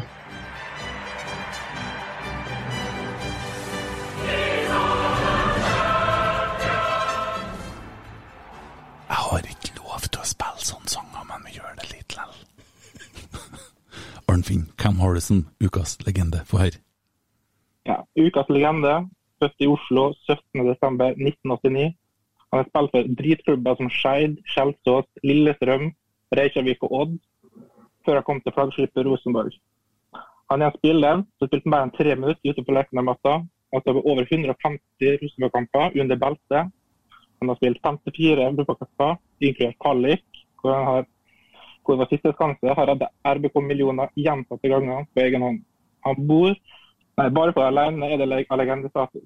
Men det at han har tatt opp Nei. Det at han kom ut i media og forteller at han har jakta Ola By Rises antall kamper, det fortjener en plass i Hall of Fame. En mann for framtida og en mann for fortida. Ukas legende, ingen andre. Keeper André Hansen. Den er fin! Den er Den fin! er fin, ja. Og den er vel forberedt. Godt levert. Dette er bra! Dæven, Tommy, nå, nå sliter du! Hæ? Her kommer det inn en mann fra innbytterbenken, venstre benk, leverer benk! Kommer rett fra Obos og leverer eliteserie umiddelbart. Du skjønner det, Bjørn? Jeg synes at uh, ja, han eh, fortjener en plass uansett. Uh, han har redda Rosenborg for kanskje flere hundre millioner, egentlig. Uten han i kvalik, så har ikke Rosenborg vært i Europaligaen noe nå, tror jeg. Ja, har vel gitt litt pusterom for deg sikkert et år eller to, Bjørn? Ja, han har vært eh, utrolig avgjørende. Altså, en en utrolig fin fyr, da. Eh, André er en er hel ved, altså. Så eh, jaggu meg vært en god spiller for Rosenborg. At han ikke er i utlandet, er jo rart. rart. Ja, Han burde egentlig ha blitt kjøpt opp av mange klubber. Altså. Det, det, jeg skjønner ingenting av hvorfor ikke klubber har sett ham. Fint for Rosenborg, men sånn er det. Det er mystisk. Det er jeg bare takknemlig for det. Rota litt i feltet nå, uh, ute imot uh, Hæ? Nedi med hånda, men likevel uh, har vi de poengene vi har. Han serverte det er lite mål til en Vangberg her. Jeg gjorde det, og så var han en tur til ute i feltet her, og hvor det kunne ha blitt mål. Men uh, han har vel noen til gode, har han ikke? Ja, han har lov. Han har. Han har mye på kvota. Nei, ja, Å se en så bra sånn utenomsportslig type, det er jo det nesten det viktigste. Hvis du blir kjent med André, så har du en eh, venn for livet. ikke sant? Han er jo så utrolig fin. Ja, er lettere, sånn, lettere å la han altså-. Nei, jeg skulle si Vi har av og til for noen av de store partnerne våre, da, så har vi sånn her intern fotballskole. Og da setter vi alltid André på de, de lagene hvor det er størst unge, da, som man skal være trener for. Så bruker han fem minutter, og så har han alle navnene klare. Kan han alle navnene, så er han bare ute og, og koser seg med unga i en time. Han er så jævlig bra. Det er kult. Det er noe, og så regner jeg med det er han som er botsjef. Ja, det er vel kanskje blitt han, eh, han nå. Ja, Det er jeg ikke sikker på. Det var jo Arild, men eh, når han dro, så er det kanskje André som har blitt det. Ja. I tryggere ender enn hva Ja, jeg skal ikke, jeg skal ikke komme Ikke i dag. Nei, nei, jeg orker ikke. Nei, vi trenger ikke. Nei. Forhen har jo stått fram etterpå og ja, gjort Har det. sånn. Ja, ja, Har det. ja, vi skal ikke gjøre det. Nei, det var greit. Ja, kult. Absolutt. Ja. Det er litt sånn stas at det sitter en kar i Ålesund og er hardcore Rosenborg-supporter. Jeg blir litt sånn nysgjerrig, for at jeg, jeg sjøl, da eh, Når at eh, jeg, jeg kjenner en kar på Røros som er Molde-supporter, og det irriterer meg litt, for det er litt sånn feil, da. Og vi havner jo i diskusjoner. Men altså, du sitter jo midt oppi, og jeg vet jo at eh, altså Selv om mitt inntrykk av Ålesund er jo at det er veldig mye kjerringer 45-50 pluss eh, med stort hår som holder med Ålesund. Så er det, har jeg vært der og truffet noen av disse supporterne. Er Ganske hardcore. Du må jo få kjørt deg litt med det, Arnfinn. Altså, jeg møter ikke mye folk her i Ålesund uansett. Ja, jeg står heller på support, er her på Rosenborg enn i Ålesund i hvert fall. Det er hardcore. Ja, det er tøft. Kan ikke stoppe på det. Og så har dere Geir Hansen, da. I byen. Altså, han han er ikke mye her akkurat nå, da. Så Jeg tror han er akkurat nå. Han er akkurat nå. Han drar og går på fjellene. Vi er jo en av de få podkastene som ikke har hatt Geir Hansen som gjest, nemlig. Vi skiller oss litt ut der, vi. Så, men kanskje grunnen til at Rosenborg spilte så jævlig dårlig mot, mot Sandefjord òg, at han ikke fikk gjøre research sin før kamp. Han var jo fem timer borte før Ja, ja, ja, ja, ja, ja, ja. se der. Ja, for at du skal ha podkaster å høre på. ja, Han fikk ikke gjort researchjobben sin, for han var jo på Trollpott og Godfoten vet du, på to dager før. Ja, han var det. To dager på rad. Men eh, nei, det, du fortjener jo ei rotsekkskjorte her. Vi skal jo heller på å rote mer her. Så det blir one size fits all. Take it or leave it. Det er sånn det blir, tror jeg. Jepp, kommer i posten innen tre til fem år. Ja. Mm. Vi takker av Arnfinn. Er det noen som eh, skal plage han Arnfinn med noe mer? Han er jo ivrig og veldig positiv for oss også. Uten tvil. Ja, artig, artig tilsig med mye god humor. Han er i kategorien med hun som sto og gøla på Lerkendal her i 2 ganger 45 Ja, ja. Det er ildsjeler. Men det er kult å se alle de supporterne som bor rundt i andre byer og sånn. Vi, vi vet jo det at bl.a. i områdene rundt Bergen Sotra og Åsane, der hvor det er litt sånn i mediefokus om dagen. Der bor det masse Rosenborg-supportere, fordi at de har et så anstrengt forhold til Bergen by, så at de ønsker ikke å holde med Brann, så holder de med Rosenborg. Sånn er det. Det er ganske kult. Men Ålesund, Ålesund er også viktig å ha supportere i. Arnfinn, du, du kanskje vokste opp med Rosenborg, litt sånn som Emil her, vi med, for du, du ble født inn i ei rekke med seriegull, du. Ja, jeg har jo egentlig så Jeg var jo 13 år før jeg opplevde noe annet enn seriegull. Det er ryddig. Det er faen meg ryddig. Må jo bli fotballidiot. da. Arnfinn, ja, hvor, hvor kom du inn i verden Den? Altså, jeg var jo født i 97, da, så jeg fikk jo litt av eh, slutten av æraen. Og så fikk jeg noen eh, sure ungdomsår da, med litt Molde-gull eh, og bodde i, rundt Molde. Oh. Så jeg fikk jo høre det godt, da. Molde, men har ikke Molde Molde har fire seriegull, ikke de har? Jo, det er det. Ja. Ja, de liker å kalle seg for flaggskip og sånn. de har fire gull. Hegemoniet. Og så hører jeg snakk om at de har plassert opp på sølvmedaljer og sånn i- attmed, da. Så det er klart at da blir det å fylle opp litt. Det har ikke vi, Bjørn, på Brakka. Nei, nei. Det, det er sant. Men er det ikke Fredrikstad som har eh, nest mest i Norge? da? De har ni, er det ikke det? Hvis de tar et til, så får de en stjerne på drakta si. Ja, det er mulig. Det. Jeg drev også regna på her en gang vet, du, og trekte ifra Nils Arne Eggen-gullene og sånn, og likevel så var vi by far det mestvinnende landet i Norge, også gjennom tidene, så Det er ganske godt når det er ett land her. Hva er det mest? Bare jeg syns det er artig. Han der Emil Eide, altså. Han eh, skal jeg bruke Å, og Eriksen. E, e, e. Jeg har jo to Emiler her, jeg, så det er jo ja. ja. En ting er nå jeg som sitter og ser på dem, men så skal jeg jo nå prøve å fortelle Hent du deg, Emil, Hent du deg, Emil. Det blir dårlig pod. Ja, det gjør det, vet du. Men nå har jo du kommet fram til at du har så stygg stemme som du fortalte, så Det hører oss forskjell på stemmen, håper jeg. Ja, vi gjør det. Ja, det må du gjøre. Mm. Ja, det her blir god på, det har du veldig god på. Ja, ja, ja, ja, ja. Yes! Arnfinn, det, vi takker for innslaget, tror jeg, og så skal vi bevege oss videre i kjøreplan. Yes? Yes. Takk skal du ha. Takk for nå. Hei da! Hei. Hei. Uh, og vi holder på å diskutere Åge uh, Hareide og uh, det tingene der, uh, i forhold til at han skal signere ny kontrakt. Og nå kommer jo Emil-spesialisten, korvbrødsmannen. Jeg klarer ikke å la være å nevne det, så folk skjønner jo hvem vi snakker om her. Eh, hva tror du? Jeg tror jo at han fortsetter. Han, eh, nå har han jo starta på et prosjekt eh, og eh, gjort ganske omveltende grep. Og da kan, han kan jo ikke bare stikke av nå. Jeg ser ikke for meg at han sitter i Molde og at Rosenborg står og tar imot seriegullet i år. Det er jo bare en bjørn som skal sitte sammen med en Stein Vannebo og se at Rosenborg får et gull i år! Ja. Nei, jeg tror heller ikke Åge kommer til å gi seg. Jeg tror han for- forlenger. jeg. Jeg tror ikke han har lyst til å slippe det nå. Nå er det jo i, gang. Fjoråret var jo bare sånn prøve, prøvetid eh, for han. Han sa jo det at det som skjedde i fjor, var jo bare starten på 2021.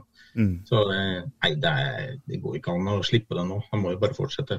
Han, han kommer jo til å forlenge, det, det er jeg jo helt sikker på, jeg òg. Men hvor lenge? To år. Ja, det er jo ja, kanskje ja, et, Nei, jeg tipper det blir ettårskontrakt, og så fornyer han den igjen, tenker jeg. Ett år med opsjon? Det er sånn halvveisløsning, kjenner jeg for min del. Jeg vil ha han i to år, jeg. Ja, helt enig. For Helt da, enig.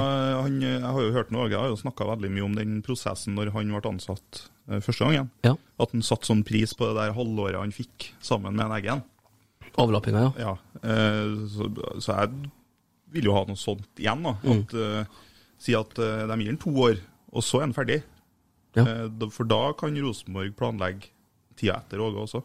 Ja, men eh, Så vidt jeg har forstått, så er det jo det han skal. Altså, han, altså, det er jo det som er sagt. hun skal ha med seg en slags arvtaker da, som skal gå inn i dette her. Og jeg tror, altså, det, er jo ikke, det ville vært latterlig at han har satt seg ned som du hørte han Bendik eh, Hareide da, fortelle på den veldig gode podden som de har faktisk med Åge Hareide. Det er en jævlig bra podkast. Eh, at han satt og kikka på fergene og så når de kom to minutter for seint og alt det der, når det var, det var mørkt, liksom. Det var ikke noe stas å komme hjem til Molde. Det skjønner vi jo i, at det er jo ikke noe stas å sitte i Molde her. Kunne jo fortalt den det. Ja, det kunne jo fortalt det. Man vil jo heller være her.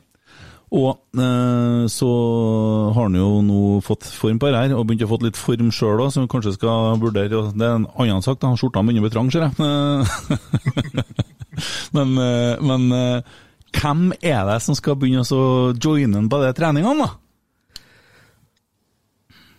Dere har jo vært innom det. Jeg er jo enig med dere at eh, Geir er jo, eh, er jo absolutt en kandidat. er, men det er, altså Jeg aner jo ingenting, jeg. Men jeg, han er jo så fin type. og Jeg ser at det er han som leder treninger. Det er han som er mest aktiv. Så eh, det, han er en fining, altså. Men eh, nå sa jo han, eh, Mr. Hansen i en konkurrerende podkast for ei lita uke siden at han eh, han sa sjøl at han ikke var rett mann for den jobben. Han sier det, men det er vel det som er jobben med å være en sånn Det sier jo Trond Henriksen òg. Jeg er ikke Ja, ja. rett mann til å trene det laget her, men så gjør han det, og så gjør han det bra. Og Geir Hansen sa jo at en Trond var mer rett mann Mm. enn han sjøl. Ok, Men det er jo sånn du berger jobben din. ikke bli hovedtrener! Men hvem har vi i landet her, da, som er Må vi nordover, eller er det ingen som er Vi er trenger ikke å reise. Trenger ikke å reise langt i hele tatt, sjø. Fjæra? Ja. Jeg er helt sikker på at det har vært genialt. Målen. Men jeg lurer på hvorfor de har sånn problem. Hva det var som skjedde med han og sånn Roar Stokke? Eh, Og de uavklarte forventningene, eh, som sier så smart han eh, Frankolini her, da. Men, eh, men eh, Svein Målen han har jeg en forkjærlighet for, og den fotballen som Ranheim spilte da Ranheim eh, kom opp til, til det som da het Tippeligaen, tror jeg. Eh, Ja, samme det. Eh, For det var Rosenborg-fotball, altså. Ja, det var, Ja, det var jo helt strålende. At, at Ranheim fikk til det de gjorde to sesonger, er jo bare til å ta seg hatten for. Det var jo ingen som trodde at de skulle klare å holde. Eh, Det er en bragd, altså. Det var jo det som Nils Arne sa, det. En prestasjon er ikke noe vanskelig, men å gjenskape den er jo det som er det vanskelige. Det, det var imponerende. Ja, og så har han klart, og så Han har jo litt lekkasje på spillere, men allikevel klart å gjenskapt og så holde dette lagret og den her eh, ja, lag... Det minner sånn om Rosenborg, da. Mm.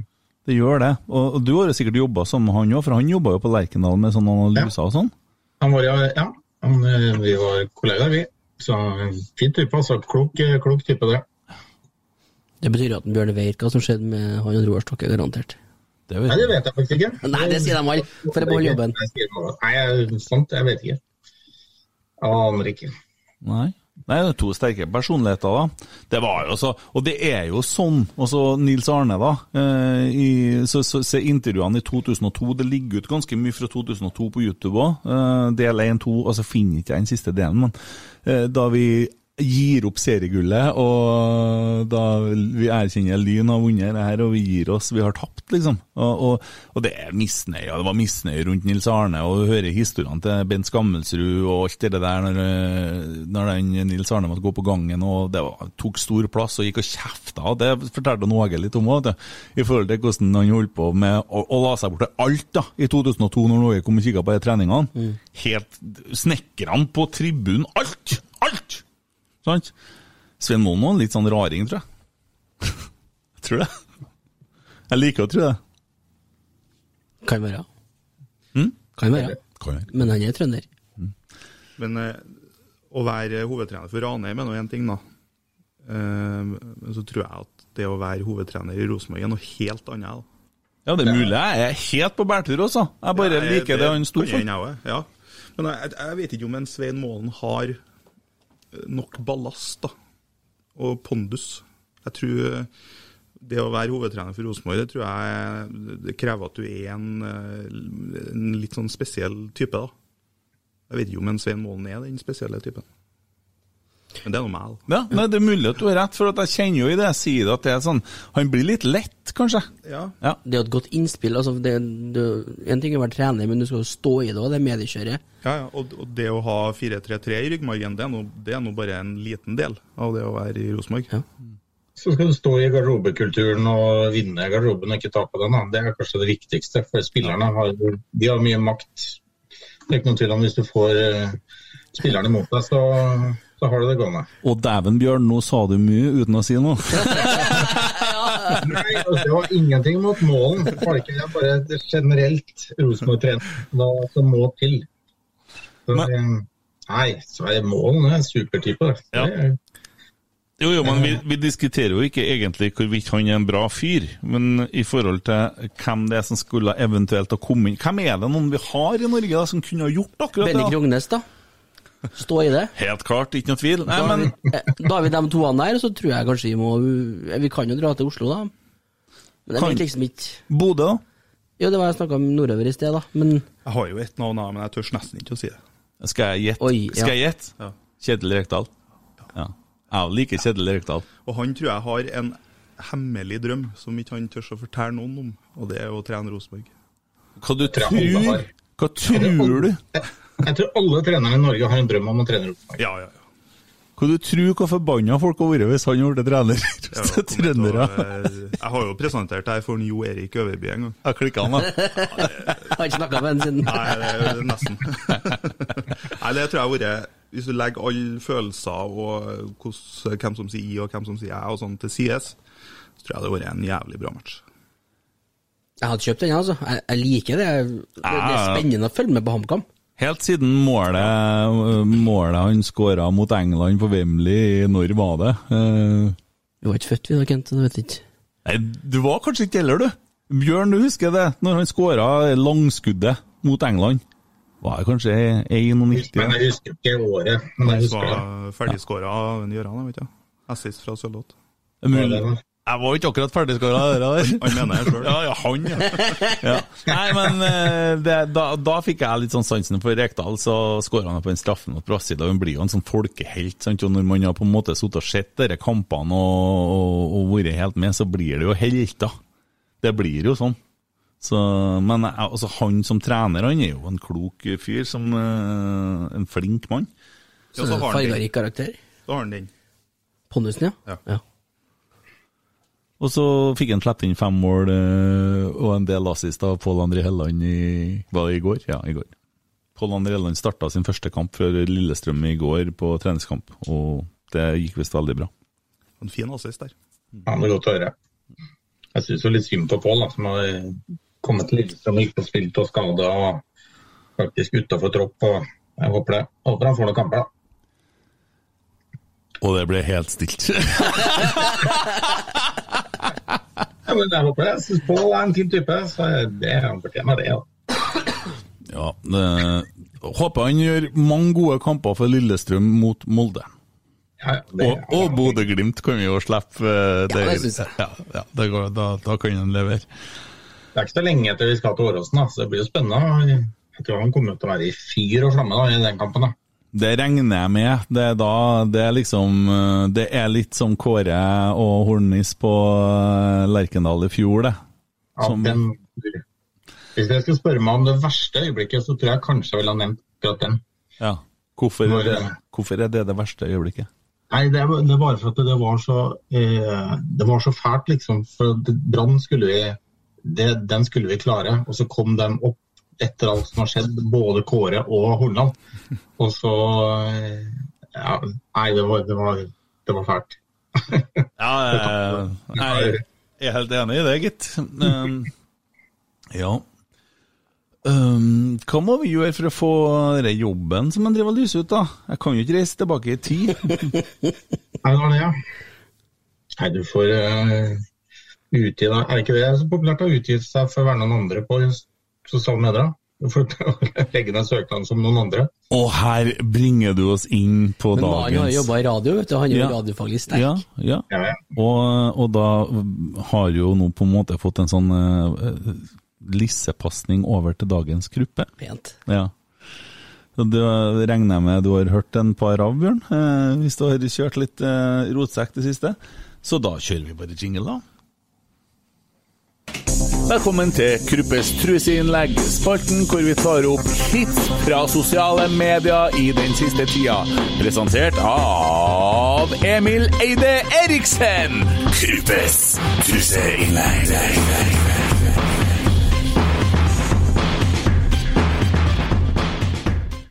Jepp, den gangen her har vi vært og henta fram noe gull fra litt gamlere tider, i og med at det er pause i sesongen akkurat nå. Ehm, Det er ingen ringere enn Birger Løfaldli som får gjennomgå litt eh, i starten her, og da er vi, vi er ikke lenger tilbake enn eh, 14. november i fjor, da. Men eh, Birger er jo ute og melder, han er da sportskommentator i Adressa. 2020 blir, et, eh, blir, 2020 blir stående som et av de tyngste trønderske idrettsårene. Det skyldes ikke bare korona, lyspunktet er Rosenborgs kvinnelag. Gruppe er kjapp på ballen og svarer Det er ikke Rosenborgs kvinnelag, det er Rosenborg BK Kvinner! Så han er ute med rettesnora umiddelbart, han. Ja. Eh, Emil Almas, du har jo vært og meldt eh, Du melder ofte på Twitter. ja, du kjører hardt på Twitter. Ja. Eh, men en, en rolig septemberdag i fjor, da, så var du ut med Kanskje vi skulle ha spilt eh, høst-vår i Norge, da? Spørsmålstegn. Rent seriespill med litt raus juleferie. Krubbe svarer Nei, for faen! Jo, man legger jo opp til en liten fin diskusjon der, i gruppa, syns jeg. Så det var dagens klippe fra arkivet. Ja, ja, kjempebra. Kjempebra. Men det er ingen som vet hvem han er. Nei, nei. Men det er jo, og vi tar jo imot alle nettrolltips med takk her, da, for det er jo mange capslocker ute og går, og det er mye vi kan eh, Vi har, mye å leke oss med her, så det er, det er bare kos. Det er bare kos. Det er bare å trolle i vei! Det er det, det Ja, er det. vi tar imot med åpne armer. Trolle, trolle, trolle. Det er artig, ja. Det er kos.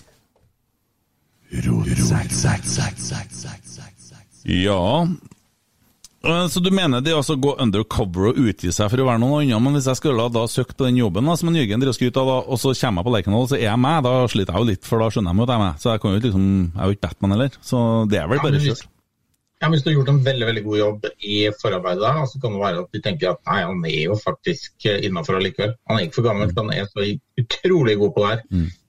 Utrolig god. Jeg Utrolig god. Mine damer og herrer, der har jeg jo hatt noe! Hei! Stått med mikrofon, fyra opp litt. Du rekker ikke å Han kan ikke få den 2 din der, da, på den spiker... Får ikke ordna det før du drar. Men du husker hva som skjedde med han i RBK-podden? Ja, Sebastian, Ja. han jobber for Koteng, han. Ja, men han måtte jo slutte i RBK-podden. Var ikke han innom Rosenborg Laks! kvarter?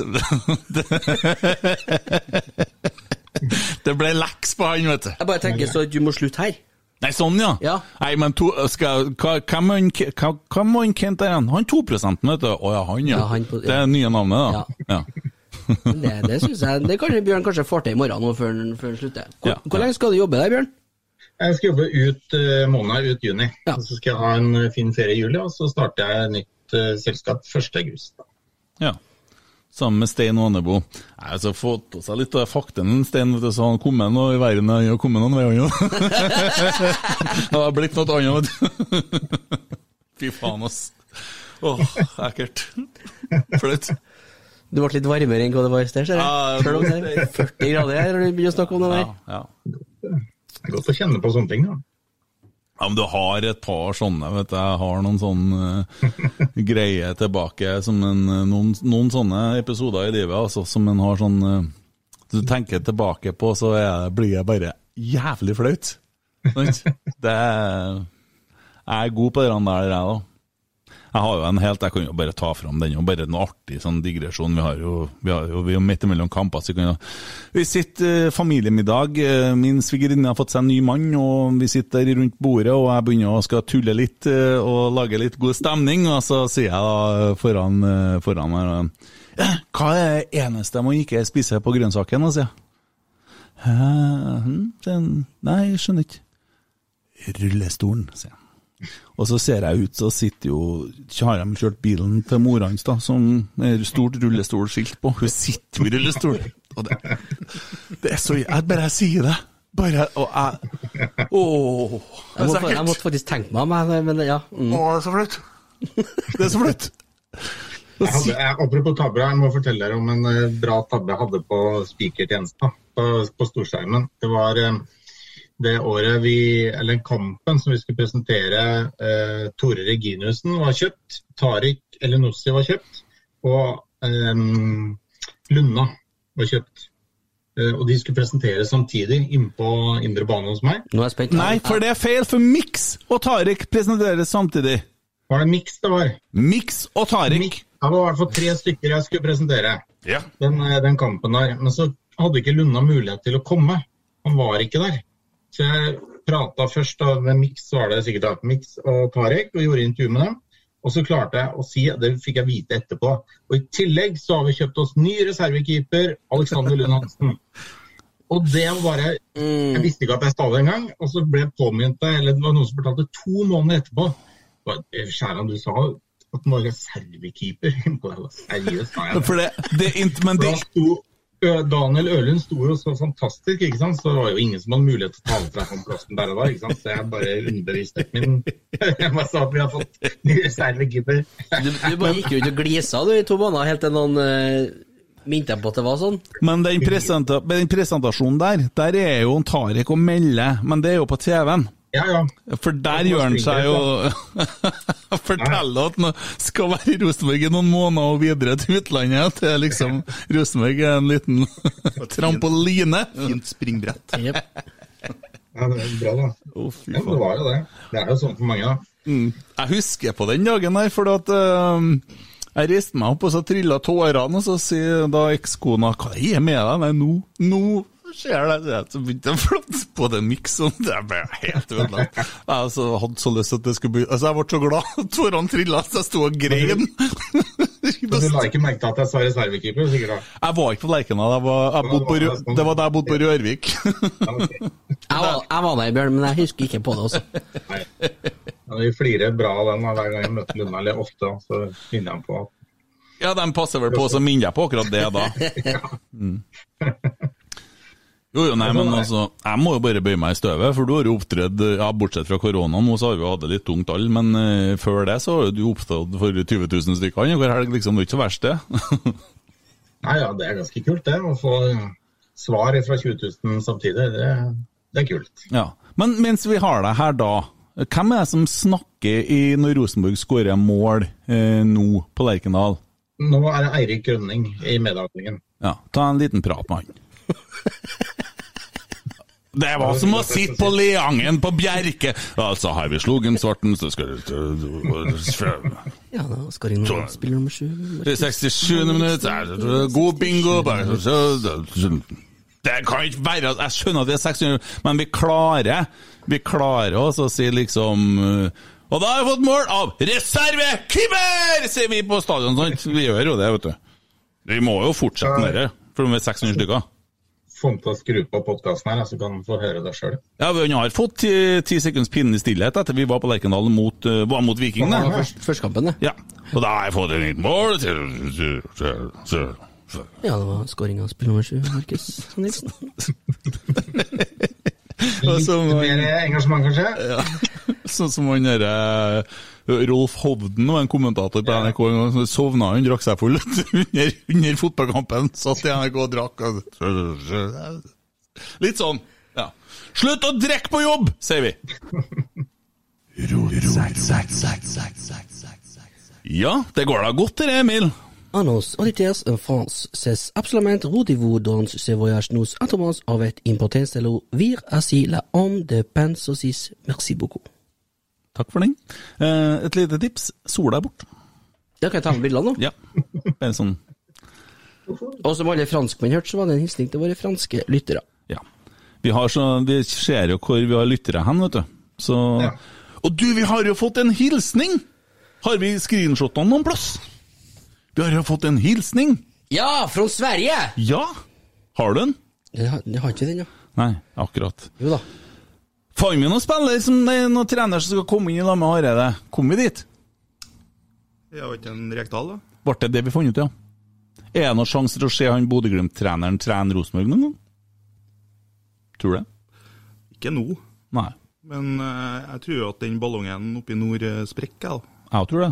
Da eh, kanskje det blir mer attraktivt med Rosenborg etter hvert. Så hvis at vi hadde Ja, sånn, ja. sånn, ja. Akkurat. Du mener ikke at det sprekker så mye at han ryrer i hop og blir en sånn derre Ja, at den blir den gangen ene gangen sånn en klokke som sto var rett to ganger i døgnet, liksom. Ja, ja, det kan jo hende da. Ja. Jeg vet ikke. Men uh, Jørn Knutsen er jo det, er jo det er jo ikke noen tvil om at han er en god trener, tenker jeg. Nei. Men uh, om han passer i Rosenborg, jeg vet ikke. Resten av gjengen rundt den har jo vært nedi her og øvd seg. Ja. Så ja, ja, Og i Ranheim, da. ja. Så ja. Vi snakka litt eh, før sendingen om Conference League. Der har jo du gjort en uh, helsika research. Han Emil han har begynt å tatt jobben til Tommy og sitter og blar på telefonen. Jeg vet hvorfor du gjør det, for du leter etter den hilsenen, ikke sant? Så det skal bare Men eh, du har jo satt deg litt inn i det Conference League-systemet. Ja, lite grann. Jeg har jo, jeg har jo en sønn på ett år eh, som driver og våkner halv fem om morgenen. Eh, og, da, og så er jo fruen er jo gravid på nytt igjen, da, for sikkerhets skyld. Så da må jeg opp med han lille. da. Du har nummer to på gang nå. Tre. Det er nummer tre? Ja. Oh, ja, ja, ser du det? Ja, okay. Og, eh, så da kan jeg jo sitte og lese om Conference League da, på morgenskvisten. Så litt grann har jeg lest om det, ja. Men det er avanserte greier, da. Hva har du funnet ut? Jeg har funnet ut at eh, det går, jeg tror det går bra. Det er det det kort, blir? korte svaret. Nei, det, det er Rosenborg skal jo inn i, eh, i andre kvalikrunde.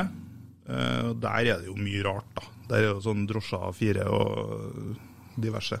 Det er sånn tur til Færøyene og sånn, det, da? Ja, altså, det er jo i, Ja, og verre enn som så.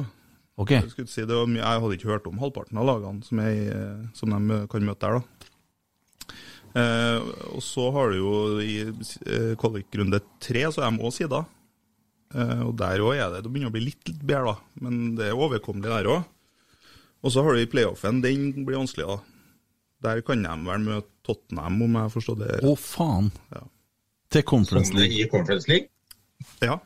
De ja. går inn i playoffen, de. Eh, Roma, Tottenham, Basel, København. Ja. Der er Hvorfor er ikke de innom Europaligaen, de lagene der? Er det, Nei. hvilken plassering hadde Tottenham i England, da? Siden de er nede i tredje nivået? Ja, ble ikke dem Jeg vet da søren, jeg. Sjuende eller noe sånt, da. Sjette, sjuende. Ja. Ja.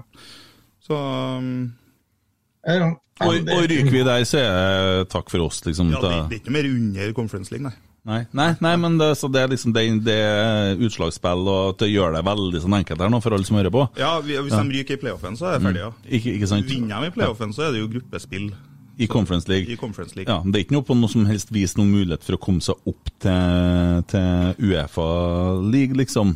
Europa League. Europa League, mener jeg. Prøvde med å vinne Conference League for å komme opp, da. Men det eneste mulighet nå, det er å vinne serien i Norge, for da får du Champions League-kvalik. Alle andre går rett til Conference League. Det er, vi- det er ingen norske som får Europaligaen nå fremover. Nei. Det må jo da eventuelt bli, eh, hvis du ryker ut i eh, kvaliken til Champions League, da. Ja, men det som er viktig nå, at hvis man blir seriemester nå, så er det enda større muligheter for å kunne komme inn i en europacup, da. Ja, Og det er viktig. absolutt. Seriemester er det aller viktigste nå. Ikke, ikke lenger topp tre, men nummer én. Mm. Så tror jeg at det, Og det er jo litt penger òg i Conference League. Det var jo Ja. snakk om en, ikke 30-40 millioner i eh, beste fall. da. Ja, jeg setter sånn i hvert fall at det er 40 på Europa og 30 på Conference League, da, for å si det sånn. Så forskjellen blir der, cirka. Ja. Så jeg tror at Conference League er helt, eh, jeg tror jeg er helt konge. Ja, ja. Det er jo, Og det er jo supert, det. Ja. masse kule, eksotiske lag og Ja. Nei, det har jeg virkelig trua på. Ja. Så du er, når du har sittet og sett litt om det nå, så hva føler du rundt det da? Er du Nei, jeg, det er jo som jeg sier, jeg, jeg tror jo at det passer Rosenborg bra, da. Det, det er jo, vi er jo ikke et Champions League-lag. Det må vi jo kunne si. Eh, så jeg Nei, jeg syns det ser overkommelig ut, og jeg tror at Rosenborg kan slå fra seg greit i Conference League. Vi er et Champions League-lag, så. Vi bare må få litt tid på oss nå, så er vi det. Men akkurat det tror jeg også er et ønske for Åge, da. Å få lov å teste ut det neste år. Ja. Det tror jeg er et mål. Bli seriemester i år, og så få Champions League-kvalik. Det tror jeg han ser, setter høyt på lista si. Jeg tror nok en grunn til at han skal forlenge. Ja. Ja, for hvis- Hvis Rosenborg vinner serien i år, så tror ikke jeg Norge flytter til Molde igjen. Altså. Nei. Han, han flytter ikke vekk fra en potensiell CL-deltakelse. Nei, nei, nei. Nei, det, det er bare at jeg er jo litt bekymra, for at enten så må jo noen av dere på brakka bli med og handle nye klær til den, eller så må jo kokken få sette den på en diett. For at skjortene er så trange nå at det, det her holder ikke. Det, det, så Han kan jo ikke bo bare alene, det ser vi jo, det går ikke bra. Det, men det, er jo, det er jo viktig, sånn som dere sa i en tidligere podkast her, at det er, det er jo typisk Åge. da. Han, eh, han gjør litt som han føler for sjøl. Ja. Han, han, det, det ser vi. Nei, men Det er en utrolig bra mann. Ja. Eh, Jeg har så stor respekt for han. Jeg, jeg er jo så glad i Åge òg når han eh, kom til Lerkendal, så sto jeg her, jeg. Så det, det høres jo helt kokkelig munke ut, men altså Jeg har sittet faen meg Jeg var- jeg bodde i Namsos da, i mange år, og kjørt til Lerkendal på hver eneste hjemmekamp.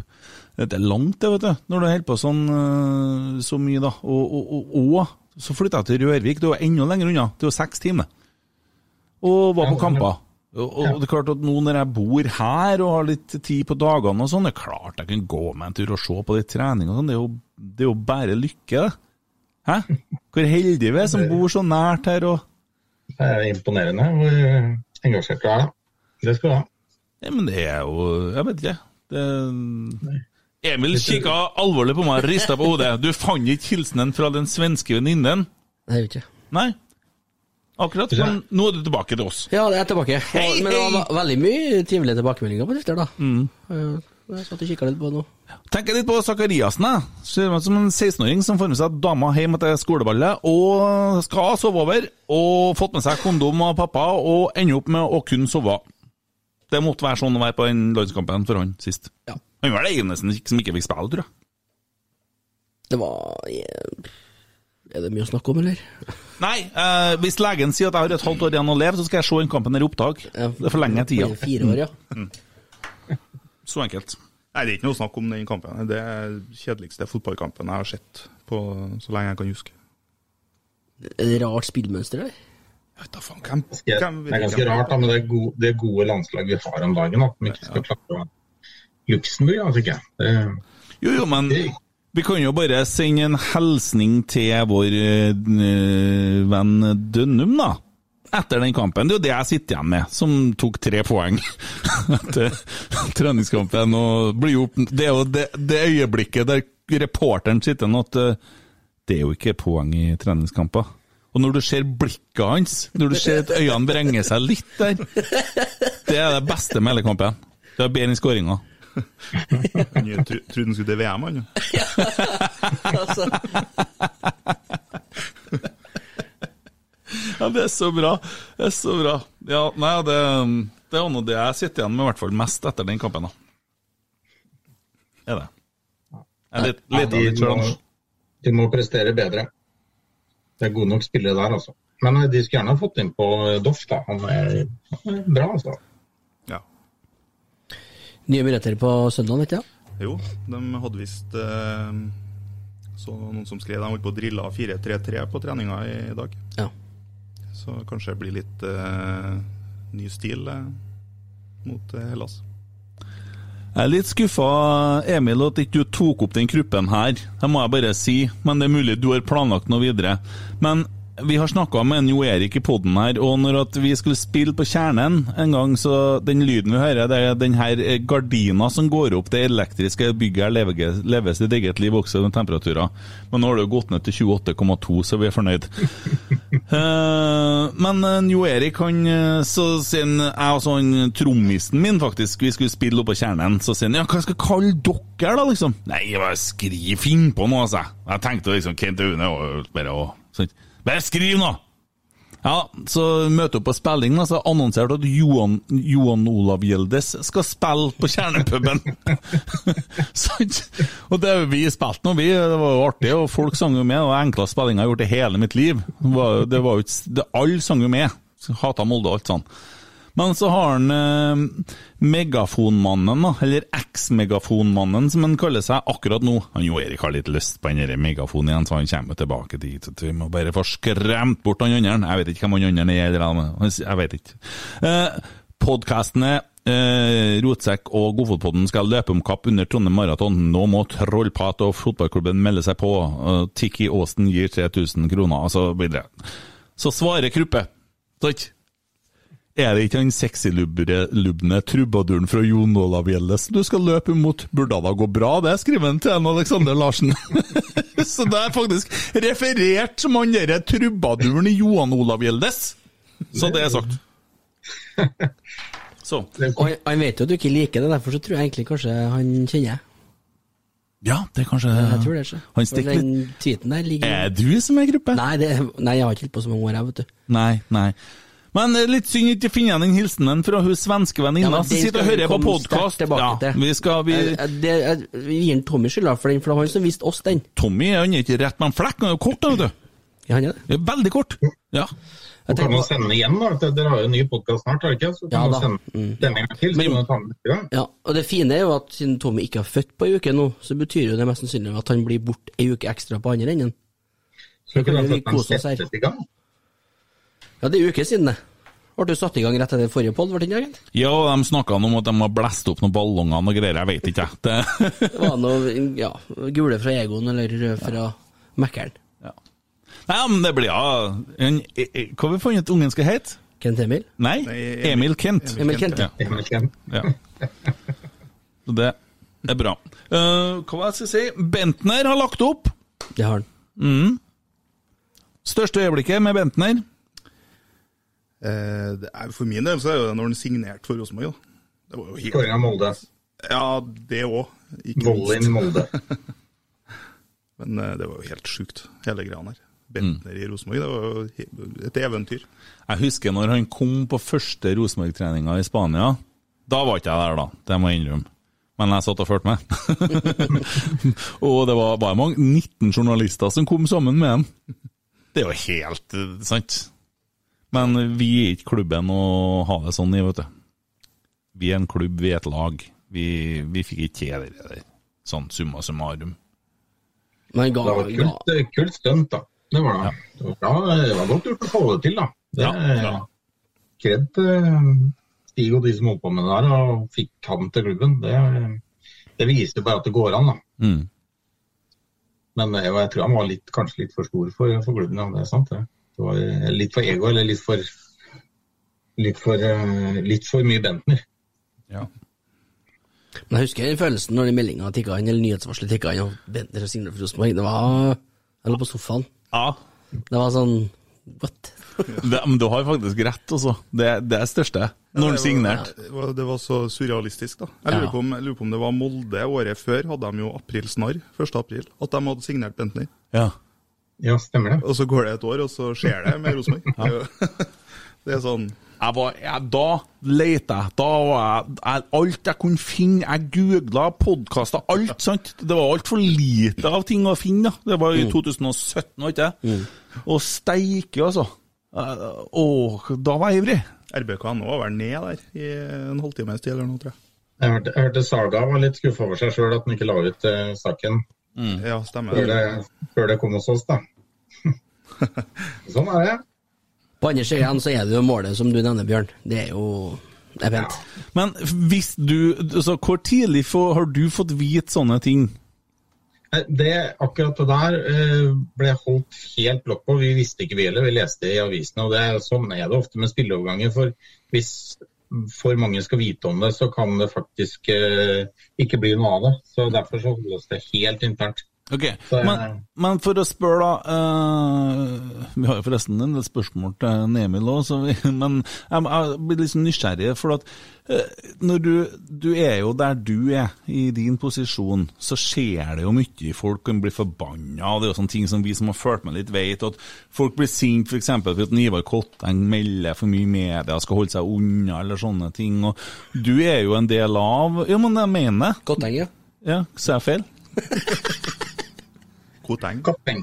Åh, jeg er fra Åfjorden, jeg, vet du. Jeg er fra Fosen. Jeg er ikke fra Åfjorden, han er fra Åfjorden. Men altså, må ikke bry deg om eh, Du skjønner hva jeg skal hen. Altså, men du går jo og hører på de samtalene eller sånn. Du går jo og veit veldig mye som Ja.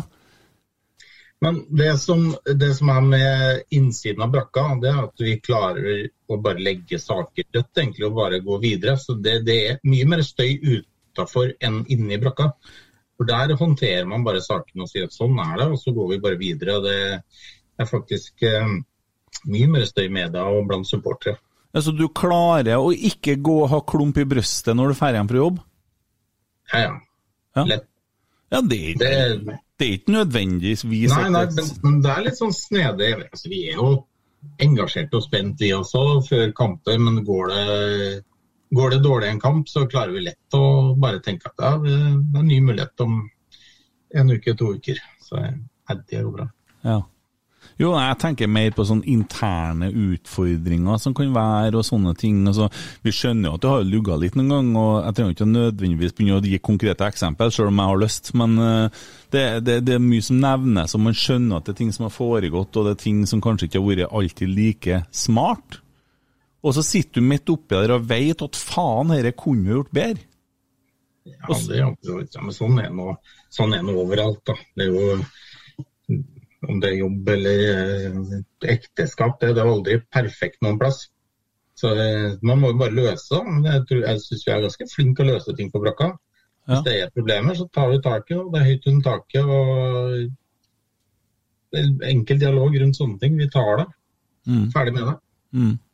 Men det har vi jo en styreformann som er ganske flink til òg, da. Og der er det jo null filter, og det tas ting med en gang. da. Mm. Han Kotteng. Kotteng. Og slutt med tull. Veldig bra. Veldig bra. Men ja, jo, jo, og det er jo bare valget der sist, ikke sant? Det var jo det Og jeg blir litt sånn Fanken, tror resten Hva tror resten av landet om oss nå, tenker jeg. For jeg, det tar det jo litt sånn personlig. Jeg vet, jeg identifiserer meg jo litt mer her. Det er jo rart, egentlig, men sånn er det nå blitt, da.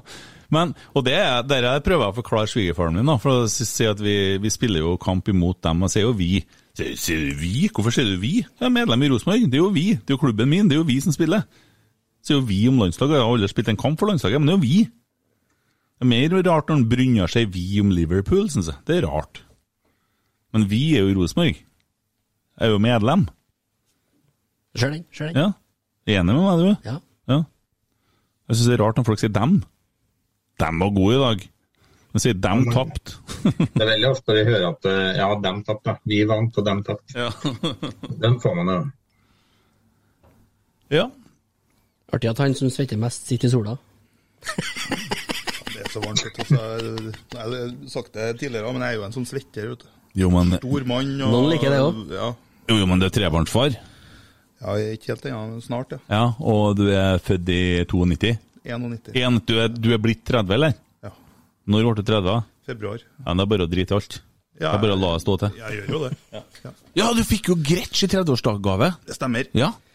Helsika fin gitar. Ja, å, ja. Ja, takk skal du ha. Gretsch gitar, det. Ja, ja, ja. En hvit en. Med gulldetaljer. Gitar skal være svart og hvit. Ja. Spiller du gitar, Bjørn? Uh, jeg kan to låter på gitar. Og Det ene er 'Være med meg hjem' med Kids. Og den sto jeg på Visevertshuset og spilte en gang litt sent utpå en kveld. Som en Hvor smiley. jeg oppdaga, oppdaga at eh, Dag Ingebrigtsen satt i salen her og kom opp og retta litt på akkorden. Ja, Så jeg, ja. det er ikke det stolteste øyeblikket, akkurat. Hva, var det der, Men det er et øyeblikk, det Nei, det var. Jo, jo, men jeg tenker litt på Dag Ingebrigtsen. Det er jo først blir han covra av å si ja, Det var jo først deg og så Metallica, vil jeg tro, men det, du holder jo nivået, da. Da skjønner. Det er bra. Ja, bra. Det er Cover er cover. Ja. Ja. Metallica fikk det med seg, og gjorde det samme. Var flink. Altså, jeg, jeg, jeg er veldig, veldig dårlig på gitar, men jeg kan, kan bitte litt. Jeg skulle gjerne ha spilt mer, da. Det er ganske kult å spille gitar. Vi må ta en jam session og overbevise Stein Sten Vanebo om at vi er Nei, nei, nei! nei, nei. Bjørn og Kent i Granåsen. Ja. Ja, ja. Før, jo... før vi skal på vippen og Ja, ja, dere skal det, vet du, sammen. Jeg snakker med Tove, dere. Dæven, hva ikke jeg skulle gjort for å få til å tatt en selfie på VIP på kamp snart igjen. Da tror jeg guttene rundt oss har Det har vært noe galt, vet du. Jeg bruker å være med Brynjar litt, vet du. For jeg er jo, jeg er jo ambassadør for Scania-cupen, sant, så ja, ja, ja. Ja, men det, var- det kler deg litt òg, gjør det ikke? Det var ålreit å være der. Å ja, klart en mann i hans stilling skal være litt Jeg har vært med, vært med Brynjarm på Scandiacupen, for de har jo avtale med Scandic, så vi får jo VIP-plasser der noen ganger. Så jeg har sittet sammen med mye artige folk, jeg. Ja ja, herregud. Blir litt vant da, vet du. Ja, du gjør jo det. Blir jo vant. Blir som man omgås.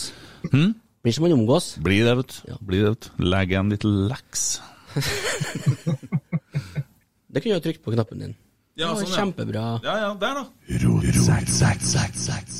Skal vi stille Emil noen spørsmål? Meg? Nei, han Nei, normale Emil. det Han hyggelige Emil. Ja, han, ja. Ja, jeg syns det. Ja. Du har, har du oversikten, eller? Nei, det sto ikke på kjøreplanen min. Det sto, sto Bjørn til meg. Og den fantastiske kjøreplanen. Jeg har, jeg har det, ja, altså. Så jeg, jeg er ikke helt eh, enig i Nei, men jeg tar, jeg for premisset ditt. jeg tar styringa. Ja, og det er jo første spørsmålet som har kommet. Og hva er er han mener her? Han, Alexander Larsen! Spør. Er det premisset eller utgangspunktet som er problemet? Spør da Emil Eide. Og hvor, spørsmål til meg? og hvor vil det føre meg? Ja. Det er Nei, jeg kom på det når du sa noe, men du oversnakka meg. Uh, går helt fint, det også. Ja, Ja. det er ikke noe uh, nei, Klas, vet du. Gåsehudmannen. Har du hørt på Godfotpodden? Ja, jeg har det. Og når de disk diskuterer ting, diskuterer ting, så sier han jeg er ikke enig i utgangspunktet for premisset ditt. Og da tenker jeg det er en, en liten mester i hersketeknikk. Det er sånn, ja. For hvis vi diskuterer noen ting, og du sier det til meg Si det til meg nå hvis jeg sier Ja, nei, altså, eh, altså Runar Berg, det første jeg kom på, faktisk. Ja. Han burde jo spille ut til høyre, og så slå innover hver gang han kommer på, på, på løp der. Jeg er ikke, enig i utgangspunktet for premisset ditt. Og da tenker jeg, å shit, premiss, har jeg noen gang hatt noe premiss i livet? Og ut, utgangspunkt, har jeg lagt noe utgangspunkt her før? Og så prater du videre, og så er jeg borte. Ja. Så må jeg bare si ja til du, det du sier etterpå. Ja. Så det er en kjempefin hersketeknikk. Så jeg spurte Alexander, hva er det han egentlig mener med, med det? Mm. Så det skal vi begynne å bruke, vi òg. Men det er jo bare bambus.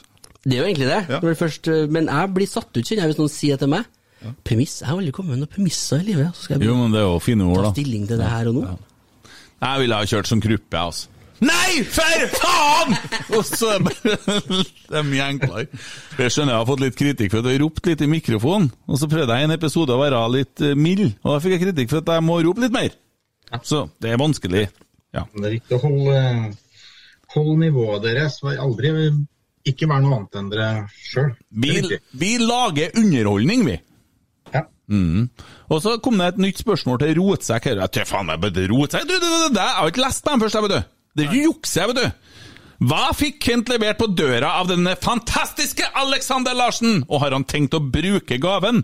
Ja, Den ligger oppå der, og det er signert landslagstrøye fra brødrene Ingebrigtsen, jeg vet det. Ja. Ja. De løpegutta. Og jeg har tenkt å bruke den, ja. Jeg har det, men jeg har ikke helt bestemt meg hvordan jeg skal bruke den. Her er det en mulighet for oss å dra inn noe laks til konkurransen. Så det er mulig at jeg kommer til å bruke den til det, men jeg har tatt den på meg, den passer og alt. Men jeg får jo ikke rundt og springe signert drakt, det er jo ikke kokelig Munch heller, da. Det er ikke trang. Nei. Veldig trang. Veldig trang, ja. Litt Åge Hareide. ja. Hvem er jeg ser ut som hvis jeg har på meg sånn trang skjorte med litt manboobs? Da blir den veldig trang. Kunne jeg blitt styreleder med en gang, bare hatt litt mer laks, så hadde det ikke vært noe problem. Skjønte du den? Kent Kotteng, ja. Ja, laks. Mm, Styreleder, manboobs, trang skjorte. Ja, ja, ja. Hvor lang tid bruker Emil på skjegget sitt per dag? Og hvem bruker mest tid på, av kona Lisa på hår VS Emil skjegg? Oi. Er det, det ja. nå, nå har det seg sånn at hvis en skal ha skjegg, så må en jo ta litt vare på det. Hvor du handler fra? Eh, produkter, tenker jeg. Ja, lag litt reklame. Jeg er helt inn. Ja, ja, ja. ja. Jeg går jo til en Igor på uh, Barber Sons og barberer meg. Hver sjette uke. Og da bruker jeg å spørre han da, han, om han har fått inn noe nytt og sånn. Ja. Kjører du olje, kjører du voks, kjører du balsam? Svaret er ja. Ja, alt. Ja, Hva? kjører sjampo og balsam, selvfølgelig. Og så er det å føne det tørt med sånn rundbørste. Mm. For jeg har jo så krølla skjegg, så jeg må strekke det ut. Gjør du det hver dag? Ja. Det er badass. Ja. Og så er det jo å blande en liten finger med voks og to dråper olje. Hvordan voks? Hvordan voks? Eh, Reusel Ok. Jeg har, jeg har den eh, sånn tre Det lukter sånn treverk og tobakk. Ja. Kjøpt på nett, vet du. Ja. Jeg hadde jo mye skjegg her. For, for, for noen uker siden så fikk jeg en idé når jeg sto på badet, så tok jeg skjegget. Jeg angra meg som Vet du, det. Nei, jeg, jeg så jo Jeg ser jo ikke ut! Faen, haka er jo bitte lita. Det så ut som et fett Det så ut som Marve Fleksnes sto på badet her. Ja, jeg var kjempeskuffa! Og ungene ble lei seg, sant? De var jo på besøk, de ville ikke være til oss lenger, vet du. Så jeg skjønner det, det, det er fint å holde på med oljen. Altså. Ja, det er det, og så er det. Så, men eh, spørsmålet var hvem som bruker mest tid og penger, og det er nok meg, ja. Det er du, ja. Ja, det er nok det. Det er kult. Si det. Det er kult. Det var jo, det var jo Her er det litt laks, vet du, så kjører du på litt. Ja, ikke sant. Ja. Uh, Alexander Larsen igjen, han vil bare ha navnet sitt, han, vet du. Skulle vi ha en egen spalte snart? Men derfor han skriver mange spørsmål, vet du, ikke alltid ett. Ja. Ja, ja, han kan gjøre han. Jeg forstår premissene for eh, Nei, hva var det? Hvorfor er ikke Emil Almås modell? Ja, nå, nå er jo ikke jeg inne i modellbransjen, da, men jeg vil jo tro at kanskje markedet for litt sånn halvfeite trøndere med dårlig rygg er kanskje metta? Tror du det? Ja, jeg tror det. Uh, jeg var modell uh, et år siden og tok bildene for Sparebanken. Eh, LO Favør. Når du logga inn på nettbanken, så var det bilde av meg og kona. Så ut som far og datter, men det var noe så. Eh, Nei, jeg var faktisk det. Fikk ja. greit betalt og Ja. Nei, du er jo en kjekk mann. Det Hvem som har det? metta markedet? Nei, det må være andre halvfeite trøndere med dårlig rygg, da. Jeg vet ikke. Det er jo flest, da. Jeg. Nei, Det er et jeg, kjempemarked. ja. Ja, skal ikke undervurdere pappakroppen. Nei, det Altså, det Ja. Krever sin mann, det. Har du spurt noen gang? O- Om jeg har spurt om kaffe? Har du spurt noen noen gang om å få hver modell? Nei, absolutt ikke. Nei, det ser du. Ja. Nei, du har et poeng Du her, spør først. Ja, det er sant, ja. Vi skulle jo ha vært eh, modeller for eh, RBK-shoppen nå, som en Arnestrøm Arne Strøm ikke lenger står og dundrer løs det der. Det er, det, det er jo sånne som deg som kjøper drakter. Ja. Og en Alexander Larsen med Ole Sæter, legenden på ryggen. Du, Jeg må bare skyte inn at jeg kjøpte Ole Sæter-drakt uh, Du gjorde det, du ei uke før han, Alexander Larsen. Ja, Der ser du, Alexander. Du følger ikke med. Eh, har vi spurt eh, Skjæran om sitt beste RBK-minne? Var det den turen til sporting? eh, Ja, det var Lisboa- ja. Lisboa-turen. Det tror jeg definitivt er Men Kent Nummer husker én. på lenger, vet du. Jo, jo, jeg bare sjekket. Det var, det var liksom beste ti RBK. Det var beste turen, men minnet minne fra sin tid. Har du noe annet du tenker å Ja, jo det, da. Eh, Jeg syns faktisk det var ganske kult eh, når vi spilte playoff nå, Champions League-playoff mot eh, Zagreb nettopp. Det var ganske tøft. Mm. For da sånn arrangementsmessig så får du Uefa-teamet oppover, og du må jobbe ganske tett med de. da. Og den Champions League-protokollen er ganske heftig i forhold til Eliteserien. Så det var litt artig å jobbe med, da. Ja, jeg husker int introen kom på Lerkendal den kvelden. Ja, da var den der. Men Gråt en skvett da? Ja, jeg gjorde nok det. Jeg satt nå faktisk jævlig nært deg. For nå vet jo jeg hvor du sitter, Emil. Ja, ja. Du sitter på rad nummer ti, du. ja, ja, Ja. ti plass én, Ja. PB. Ja. Satt rett nedom deg. Ja, trivelig. Men Bjørn, hva, hvordan er det for deg når, eh, som mot Zagreb, når kjernen skjøt raketter utover banen? da? Du som arrangementet. Nei, det, det var Det var egentlig litt teit at vi eh, For at vi var så jævla opptatt av det der Bad Blue Boys. Ja. Så vi, vi vi ble tatt litt på senga, og kjernen eh, gjorde så vi fikk 280 000 i bot. Mm. Og Bad Blue Boys var jo bare noe ja, små Jo, jo, men det var ingen av de bad boysene der som hadde med seg 'nei betyr nei' og var imot voldtekt eller hadde med seg sånn. Nei, dere Det- stoppa alt sånn. Ingen hadde med noe øh, kampanjer for Amnesty eller noe sånt. Dere fikk tatt fra dem det! Det er sant. Ja, så det fikk Men vi var, litt, eh, vi var nok eh, vel opptatt av Zagreb. Men det var jo litt spesielt, fordi Bad Boys de er jo mot klubben sin. Sin egen klubb. Dere kjenner sikkert historien. for det han Billettsjefen som var med oppover til Trondheim, var jo livredd egne supportere. Så han ville jo stå på innsida av gjerdet og gi billetter gjennom gjerdet. Eh, fordi at de var jo nettopp vært, hadde jo nettopp vært inne i garderoben og nesten banka opp egne spillere. For de mener jo at Dinamo Zagreb har tatt identiteten til moderklubben i byen der. Å, ja. Det var rivalisering, så det var jo derfor de var crazy. Det er alvor. Ja. Det var jo Ja, det, det er jo det, altså, når du har Men- Hvis du skal ha to sånne supporteravdelinger i kjernen, da, hvor det ene har vært mot klubben og andre med klubben, og så driver de og kriger. Det er jo ikke bra. i Det har blitt vakkert. Men, ja. men eh, ja, når du snakker om det andre den bota, da, bare for å tenke på Her skal jeg og Alexander Larsen dra og springe, og vi tenker på de pengene vi får inn, og så snakker vi om hva summen på den bota er. Det er jo dæven døtte meg halve heisen, det. Hva, ja. hva kan vi gjøre for å unngå sånne ting, da? Nei, det ene handler om å eh, være mm, enda mer forberedt. da, Passe på at det ikke Nei, det, det er jo en arrangementsteknisk eh, greie. da. Det var, det var visitering og det var Jo, kontroll. Men jeg tenker, jeg tenker på dem som gjør det. Hva kan vi få? Altså, det, det er jo ikke så forbanna mange som gjør det, men noen har med seg dette inn og skyter opp dette her, og de vet jo hva det koster klubben. Ja, men dem, Det er jo ingen som vil angi dem, da. Det jo, altså, Hvem skal vi sende regninga til? da? Til Kjernen? Kjernen vil jo ikke ha noen regning. Eh, Alf, Alf. Så, nei, det, sånn er det nå. Men vi har jo prøvd å gjøre et, eh, et lite sånn insentiv overfor Kjernen. At hvis det skal være Vi kan gi Kjernen penger for at de har uh, pyrofritt. Altså at det ikke blir bøter, så vil heller Kjernen få noen eh, kroner av Rosenborg til å bruke til TIFO eller sånne ting. Mm. Så er det kanskje sånn at kjernen ikke alltid er enig i prinsippet i utgangspunktet. Vil jeg anta. De har jo ganske sterke meninger, de òg. Men de Ja, lager jo er liv. det. Det er Selv om altså det koster flesk noen gang.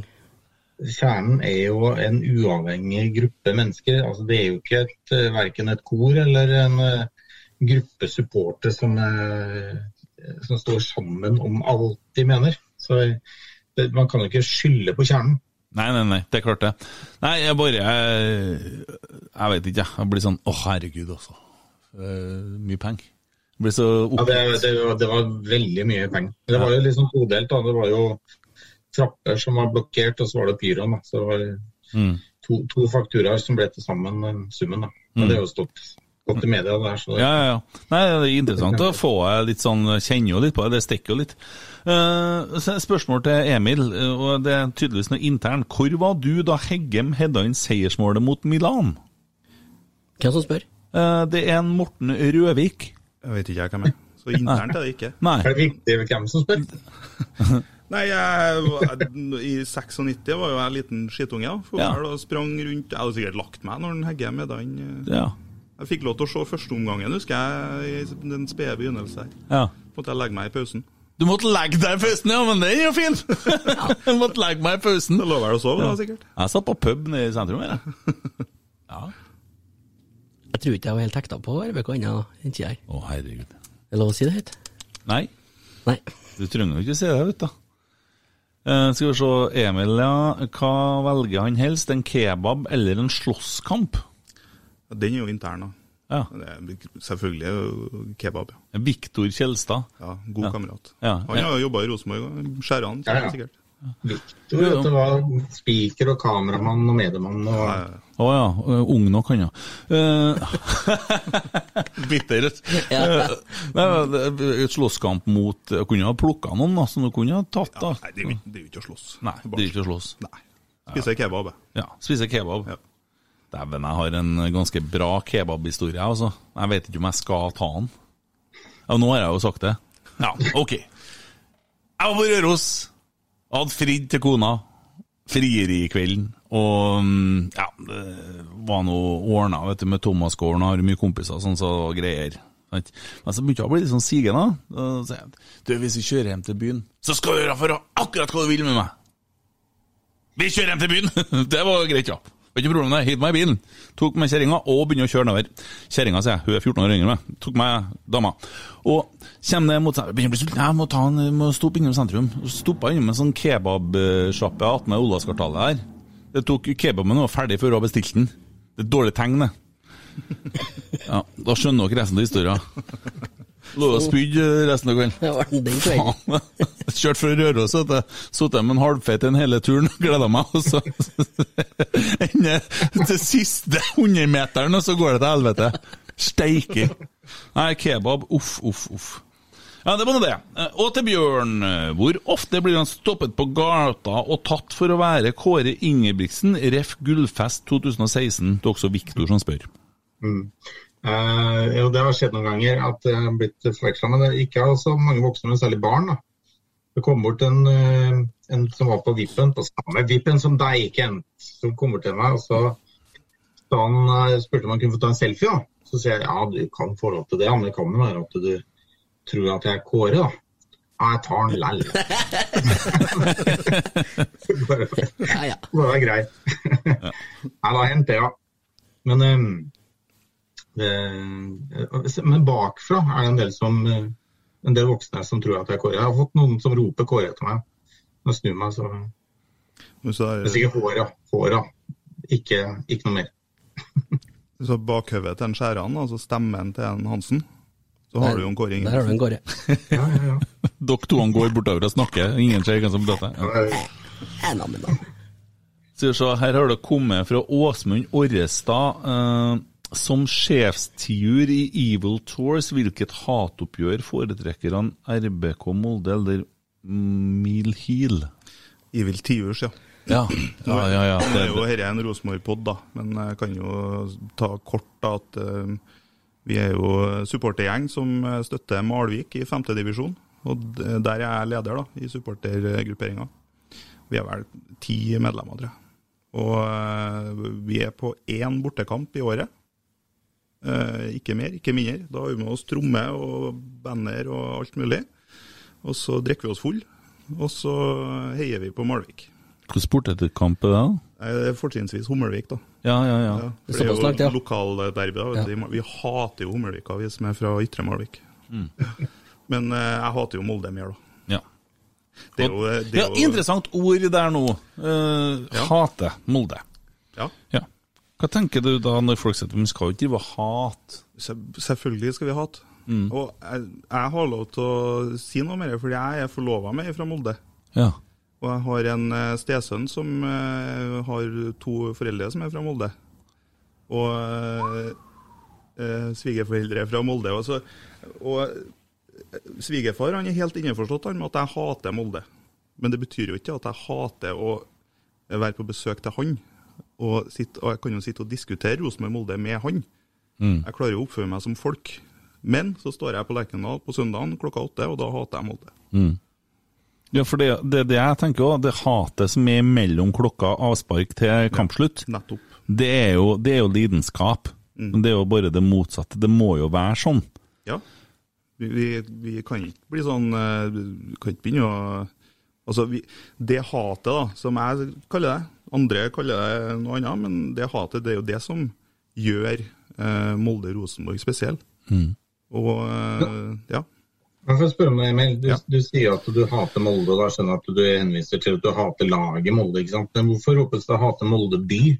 Da går det på mer enn bare laget. Da Da er det på en måte området og folkene, og og Ja. utvides det mer enn det du mener nå, eller? Ja, eh, nå, nå skal det jo sies at jeg står ikke i kjernen, da. Eh, men eh, jeg kan jo svare på lell, og det, jeg tror jo det handler litt om at moldenserne blir så jævla sur. Og da er det jo enda artigere å rope det. De blir veldig fort krenka. Det, å se intervju med en moldenser etter en Rosenborg-Molde-kamp i kino det, det Ja, jeg ser den. Men jeg har jo altså, var jo, har en kompis som bor i Eide. eh, og vært på fjelltur der og kikka. Det er jo utrolig vakkert og, og fint å være der. eh, og, og mye bra folk. Og, Det er masse venner fra Molde, kjempefolk. ja. Og, og, og er helt innafor med det. Men altså, det å finne drit og ha en sånn eh, Jeg tror heller ikke at Molde har ønska at vi begynte å hate Brann i stedet for å se bort fra Molde og så sidestille dem med Kristiansund. Det ble ganske flatt, hvis vi bare hadde oversett dem, liksom.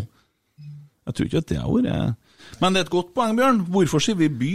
Men det er jo bare Det er jo fotballen vi snakker om. Det er jo det. Skjønner det. Men jeg var jo, det er ikke så lenge siden jeg var i Molde og sto på løkta når det var eh, Molde-Rosenborg, og de moldenserne de roper nå det samme tilbake. Ja. Så det er jo, eh, det er jo uavgjort der, da, før kampen. Men hva var det de hadde ropa oppe i Bodø som gjorde at en eh, Åge reagerte så gærent? Hva i all verden er det de har lira ut av seg? Nei, det, det vet jeg ikke. Men det er jo som man sier at du hører jo så mye mer nå på kamper. Det er jo snålt å være på kamper. Så alt blir så, så mye tydeligere. Nei, Jeg vet ikke hva de hadde ropt. det. Det var et eller annet sånt. Det var litt krenkende. Ja, ja. Det, men sånn sett så var jo det en fordel Viking hadde mot Rosenborg, her, for vi hørte jo ikke noe annet enn Kristoffer Løkberg, i hvert fall. Det var sikkert. Oi, oi, oi, oi. Eh, Håkon Walter Iversen, har Emil Almås vunnet en filmpris, og hvorfor ble det ikke en karriere i filmbransjen? Nå kommer det fram ting her. Godt spørsmål. Ja. Uh, ja, jeg har vunnet filmpris sammen med spørsmålsstilleren og noen andre. Var i Roma, faktisk, på en filmfestival der, for å fronte sunn mat. Ja. Så um, gikk vi i media på skolen, og så laga vi en film eh, og sendte inn. Og så ble vi nominert. Fikk vi um, ei uke i Roma eh, med kost og losji. Og så eh, på den eh, finaledagen og så vant vi faen meg pris òg. Husker ikke hva han het for noe, men vi fikk overlevert prisen av den italienske landbruksministeren. Uh, og var Flerkameraproduksjon ble sendt live på MTV. Uh, og da sto jeg oppe der og tok imot prisen, da. og det var artig. Det er kult. Fikk vi politieskorte inn uh, til Roma sentrum. Det var ikke Og det, han sa han eh, bussjåføren, at det var eneste gangen han var med på det, det var når det var Roma mot Lazio. Da var det politieskorte. Og så var det oss, da. Ja. Ja. Hvor kult. Ja, det var tøft. Og eh, hvorfor det ikke ble noe karriere i den bransjen, nei, jeg, jeg vet ikke. Du har en mulighet nå. Brukte du Adobe Premiere, eller? Skjønner du hva jeg skal? Ja. og da har du lest den stillingsannonsen? Ja. Jeg har jo, jeg har jo lufta, lufta meg sjøl som kandidat til en Stenseth sjøl, men Ja. han eh, har ikke svart meg. Nei, å, ja, han har ikke svart deg heller. Å ja, han liker meg bedre. Ja, for meg har han svart, i hvert fall. Jeg skrev jo på Twitter jeg kan jo ikke noe om noen noe av de punktene her, men jeg elsker Rosenborg. Ja, ja, ja. Da, da er jo da, vi sammen her, da. Ja. Kan jo Kanskje steppe inn på 2% etter en Bjørn der. To halvhjerner gjør én hel. Ja. noe som heter. Nå mangler vi bare noen som tar seg av TikTok. Det blir ikke meg. Nei, det er et godt poeng, da. Hva skal vi gjøre for å få tak i yngre tilskuere, og for å treffe blant yngre folk? Og det er jo veldig viktig, det. Å komme opp og, og, og klare å trende der. For det er vel, det er vel sånn at eh, det kanskje er litt frafall litt lenger ned i ja, Det er jo det. Vi vet at snittet eh, supporter er jo mann 55 på Lerkendal. Så vi, vi har litt å jobbe med der. Altså. Vi må få familie. med det òg. vi gjør jo noen grep da, selvfølgelig med både familietribunene, siste år av familierestaurant, fanzone og alt det som vi prøver å trekke, særlig familie. Da. For eh, det er gjort en jobb, men eh, vi må bare fortsette. Altså. Det handler om rekruttering og få tak i de unge som har lyst til å ha med seg mamma og pappa på kamp. Det er viktig. Ja, det må bli kult å ta selfie på Lerkendal. Før vet du, så gikk jo folk opp på en fjelltopp og tok bilde til utsikta, og så var det kult. Nå er det sånn at de går opp på fjelltoppen og tar bilde av seg sjøl på utsikta, og skal ha folk til å se seg. Det er jo det som er, og sånn er det jo. Generasjon Z, hva heter det, de, de er jo sånn. Og da må man jo på en måte få en sånn greie der, da, så man må jo lage noe green screen, da, så de får ikke stå foran så, og ta bilde av seg sjøl, da. Jeg vet ikke. Eh, Jonas Nei, Pål Jonas Almås. Ja. Hørtes ut som en Han, du kjenner. Han, ja. Ja.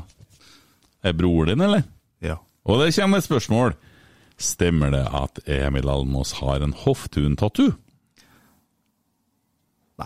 Åh, da var spent. Men hadde jeg vært mann for mine ord, så skulle jeg hatt det. Oh, ja. Og det er artig at uh, vi snakka om den kampen i stad, når den Mix og Tariq ble annonsert der. Så var det jo litt rykter om at uh, de toene og Tore og Haime Alas skulle komme til Rosenborg. husker han vi. De, de firene. Ja. Og da sa jeg vel i et svakt øyeblikk at hvis en Hoftun nå klarer å signere de firene, skal jeg tatovere navnet hans på kroppen min. Så eh, det gjorde ikke jeg, da. Men han gjorde. Så du skylder egentlig verden ei tatovering med navnet Hoftun? Jeg gjør det. Jeg syns jo det kunne vært innafor, hvis du har hatt f.eks. bilde av drakten, tallet Var det tre? Han hadde nummer tre. Ja. Og Hoftun under, så det hadde vært greit nok, liksom.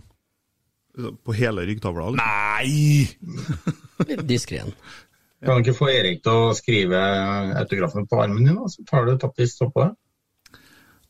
Jeg kommer jo til å få juling av hun hjem, da. Men uh... Nei, men det var bare å gjemme inni liv. Se på meg. Du har da et par stykker fra før, så det går sikkert greit? tror jeg. ikke? ja, jo, kanskje. Ja. Den er ikke dum, den.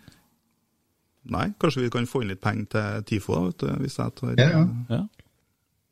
Ikke dummen. Oi, Ikke dum. han opp til noe her. Skal, skal vi ta igjen på? Ja. Skal vi ta opp? Vi noterer. Eh, den første, den første. Nei, vet du, jeg har uh, pinadø kommet rundt på min høyst uh, personlige uh, kjøreplan. Uh, Fantastiske kjøreplan. det, er jo en, det er jo en fantastisk kjøreplan. Altså, jeg har jo ratta her nå i to timer, og hadde inn en kar fra Ålesund som er veldig glad i Rosenborg. Det er tøft. Det er tøft. Eh, vi skal jo møte uh, Valsvik i neste kamp, da. Skal det. Skal det. Hva tror vi? Vi må jo klare å slå godset. Ja. Det er jo ikke noen tvil om det. Jeg, jeg, jeg, ja, nei. Gustav Walsvik han ble jo, ble jo underkjent i Rosenborg, og så er han jo kaptein nedi der plutselig. Ja. Det sier jo litt om det laget, tenker jeg. Jo, jeg som sitter i denne podkasten her, kan ikke si så forbanna mye fint om han, for å si det sånn, for her har han jo vært lynsja. Eh, men det går jo på noen avgiftsuttalelser, da. Jeg syns jo det er illojalt mot klubben, så mer enn greit at han er borte. Stiller vi frisk tropp vi, Og det er et godt poeng. Hvis at Tetti er tilbake, Siljan er blitt frisk, og alle de andre er blitt friske, og ryggen til Hvordan går det med ryggen hans? Den til Vekka? Hva er Hadde ikke en prolaps, han, ja? ja. Jeg mener det var en prolaps, ja. Ja. Så det kan jo være at det tar litt tid. Men eh, Reidar er jo mirakelmann, så jeg tipper at han har sikkert fått på plass dem. Ja, og Henriksen er tilbake, og alle er tilbake, da. Hvis- Olmar er vel kanskje ute, tipper jeg. ja, men Besim er så bra, så Ja. å si. Går greit. Går greit. Jeg syns Holmar var så dårlig i siste kamp, og Besim har vært så god, så jeg syns det er helt greit. Altså, nå er jeg veldig glad i Holmar. Jeg syns han får fram noe sånn der, litt følelser i meg, for han er så kjekk. Skal ikke bedre til, skjønner du. Nei, han er veldig pen. Han er det. Ja, han er penest spilleren på Rosenborg. Kanskje penest spilleren som noen gang har vært på Rosenborg. Kjempepen. Altså, ja. Ja. Bortsett fra noen tapte veddemålet for å holde sitt gult. Vi satt der og lurer på hva faen det som har skjedd. Men nok om det. Jeg syns Besim er bedre. Det var en som tapte et veddemål og holdt det. Ref den tatoveringa di. Ikke sant? En som har ryggrad. Ja. Nei, hva tror vi? Hvem starter? Det er jo, det, det er jo en alvorlig sterk stall vi har, da. Ja, veldig bra. Emil, Det var jo litt rokeringer sist, da, så jeg vet ikke om uh, Hareide er tilbake til, til det utgangspunktet han hadde før sist kamp. da. tørst du å spå en elver, Emil? Skal du ha en elver? Jeg, ja, det kan jeg gjøre. Det er jo en Hansen i mål. Og så er det en Reitan. Og så er det Hovland, Serbesic, Augustinsson, tenker jeg. Ja, ja, ja. Og så tenker jeg at vi starter med Doff og Hoff og Siljan. Og så Emil Seid, Islamovic og Holse. Okay. Eller Molins. Håper ikke det blir Molins. Jeg Jeg, ikke. jeg er ikke helt sikker på om jeg er helt enig med deg, altså. For at jeg, hvis, hvis Henriksen er tilbake og er frisk, så syns jeg det er litt rart hvis ikke vi starter med han. Han har ikke spilt på Nei, det Ja. Hva var det jeg skulle si igjen? Ja, jeg skulle til å si det, ja. Kom med det. Kent var ikke enig i premisset ditt i utgangspunktet. Men Det driter jeg i. Hva er forslaget, ditt, da? Eh, nei, jeg tenker at eh, såpass herja som Siljan har sett ut, Mm. så er jeg litt skeptisk. Det er et godt poeng. Mm. Han har sett litt rasert ut, altså. Og hvor mye tid han egentlig må få nå for å få på plass alt i kroppen sin, for det Det har skjedd eh, Men så jævlig rart, da, for da sist kampen også var han plutselig dritgod i andre omgangen. Og husker jeg, så, jeg, jeg var så sikker, jeg, Bjørn, at jeg, jeg sa fra til kjerringa til en Per Siljan at ja, nå blir nok karen din bytta ut, for jeg ser at de setter inn på De tar to bytter, så Siljan skal ikke spille andre omgangen, så trenger ikke å gå ut der nå. Det er ikke noe Jeg gravde ned alt. Jeg, jeg satt fyr på og lot det brenne. Det var ikke noe vits å leve lenger her. Nei da, det var ikke helt sånn, gitt. Det var Nest- Nesten like flaut som når du møtte Vannebo, eller? Som dere jeg møter Vannebo. Du får gnu inn enda mer, ja? Hæ? Det er lagt opp, lagt opp til deg sjøl, da. ja. Men jeg sto i spilletunnelen da når de første kom ut fra garderoben etter den pausen her, og da fikk jeg bare Da hørte jeg Nå skulle du hørt den Åge i pausen her. Ja. Det var, eh, det var hårføner. De luxe, det skjedde noe inni i rommet der. Ja. Emil han hadde bare ikke råd til mer strøm, han, så jeg har lagt frem en lader til han, men han er nå her ennå, Jeg slipper skulle å se ikke han. Bråk, tenkte jeg. Det er bonus, da. Vi er straks på oppløpet, ikke vi? Vi er veldig på oppløpet. Bjørn, tusen hjertelig takk for eh, stunden. Det ble da gode to timer. Jeg. Ja, Eide sa at jeg skulle være med en halvtime, så det var suverent å få såpass tid. Jeg gikk ut litt lavt der, egentlig. Sa, sa du halvtime til den? Nei, jeg tenkte jo det når vi snakka med den første gangen. Jeg tenkte jeg jo det, da. Ja. Men i dag så ble vi enige om kan jo bare være med utover. Og. Ja, ja, ja. Og det ble ikke galt. Herlig. Bonus. Ja. Det var nydelig. Ja, det var artig å følge være med. Ja, det er kult at du ville stille opp. Eh, så Bare Og lykke til i ny jobb. ja, lykke til i ny jobb. Tusen takk for det. Det kan jo være at vi plutselig ses igjen, vet du. Ja, jeg ser jo fram til den forsoninga mellom eh, Vannebo og Kent som du skal sette, Ja, sette opp til. Det gjør jeg. Ja. Jeg gleder meg. Verste var at han hadde ringt vet du, for ja, 14 år siden. Ja. Men jeg, jeg ringte ikke opp etter det. Det var sikkert ringt feil, tenkte jeg. Så. Nei da, men eh, det blir jo spennende å se han som skal tråkke i eh, sporene dine på Lerkendal òg. Det er jo ikke bare bare å stå der og skal levere heller. Men Tor Arve er jeg veldig veldig trygg på. Han har vært med oss i mange mange år. og Jeg hadde noen ferieuker i fjor annet, hvor han var arrangementssjef. eh, Tilsvarende rolle. og Han kan det. En helt rett person å få inn. Så jeg trodde som han fikk tak i han, det var gull. Mm. Det var gull. Det var gull. Yes. Emil Almås, eh, noe tilfør? Nei. Nei. Alle er happy? Emil Nei. Eide Eriksen, Absolutt. du er fornøyd? Vi ser fram til godset. Det gjør vi. Det er bare ei lita uke igjen, så er vi i gang. Jepp, jepp, jepp. Da sier vi eh, takk for denne gang. Tusen hjertelig takk for at du stilte opp. Bare hyggelig. Takk for nå. Oi!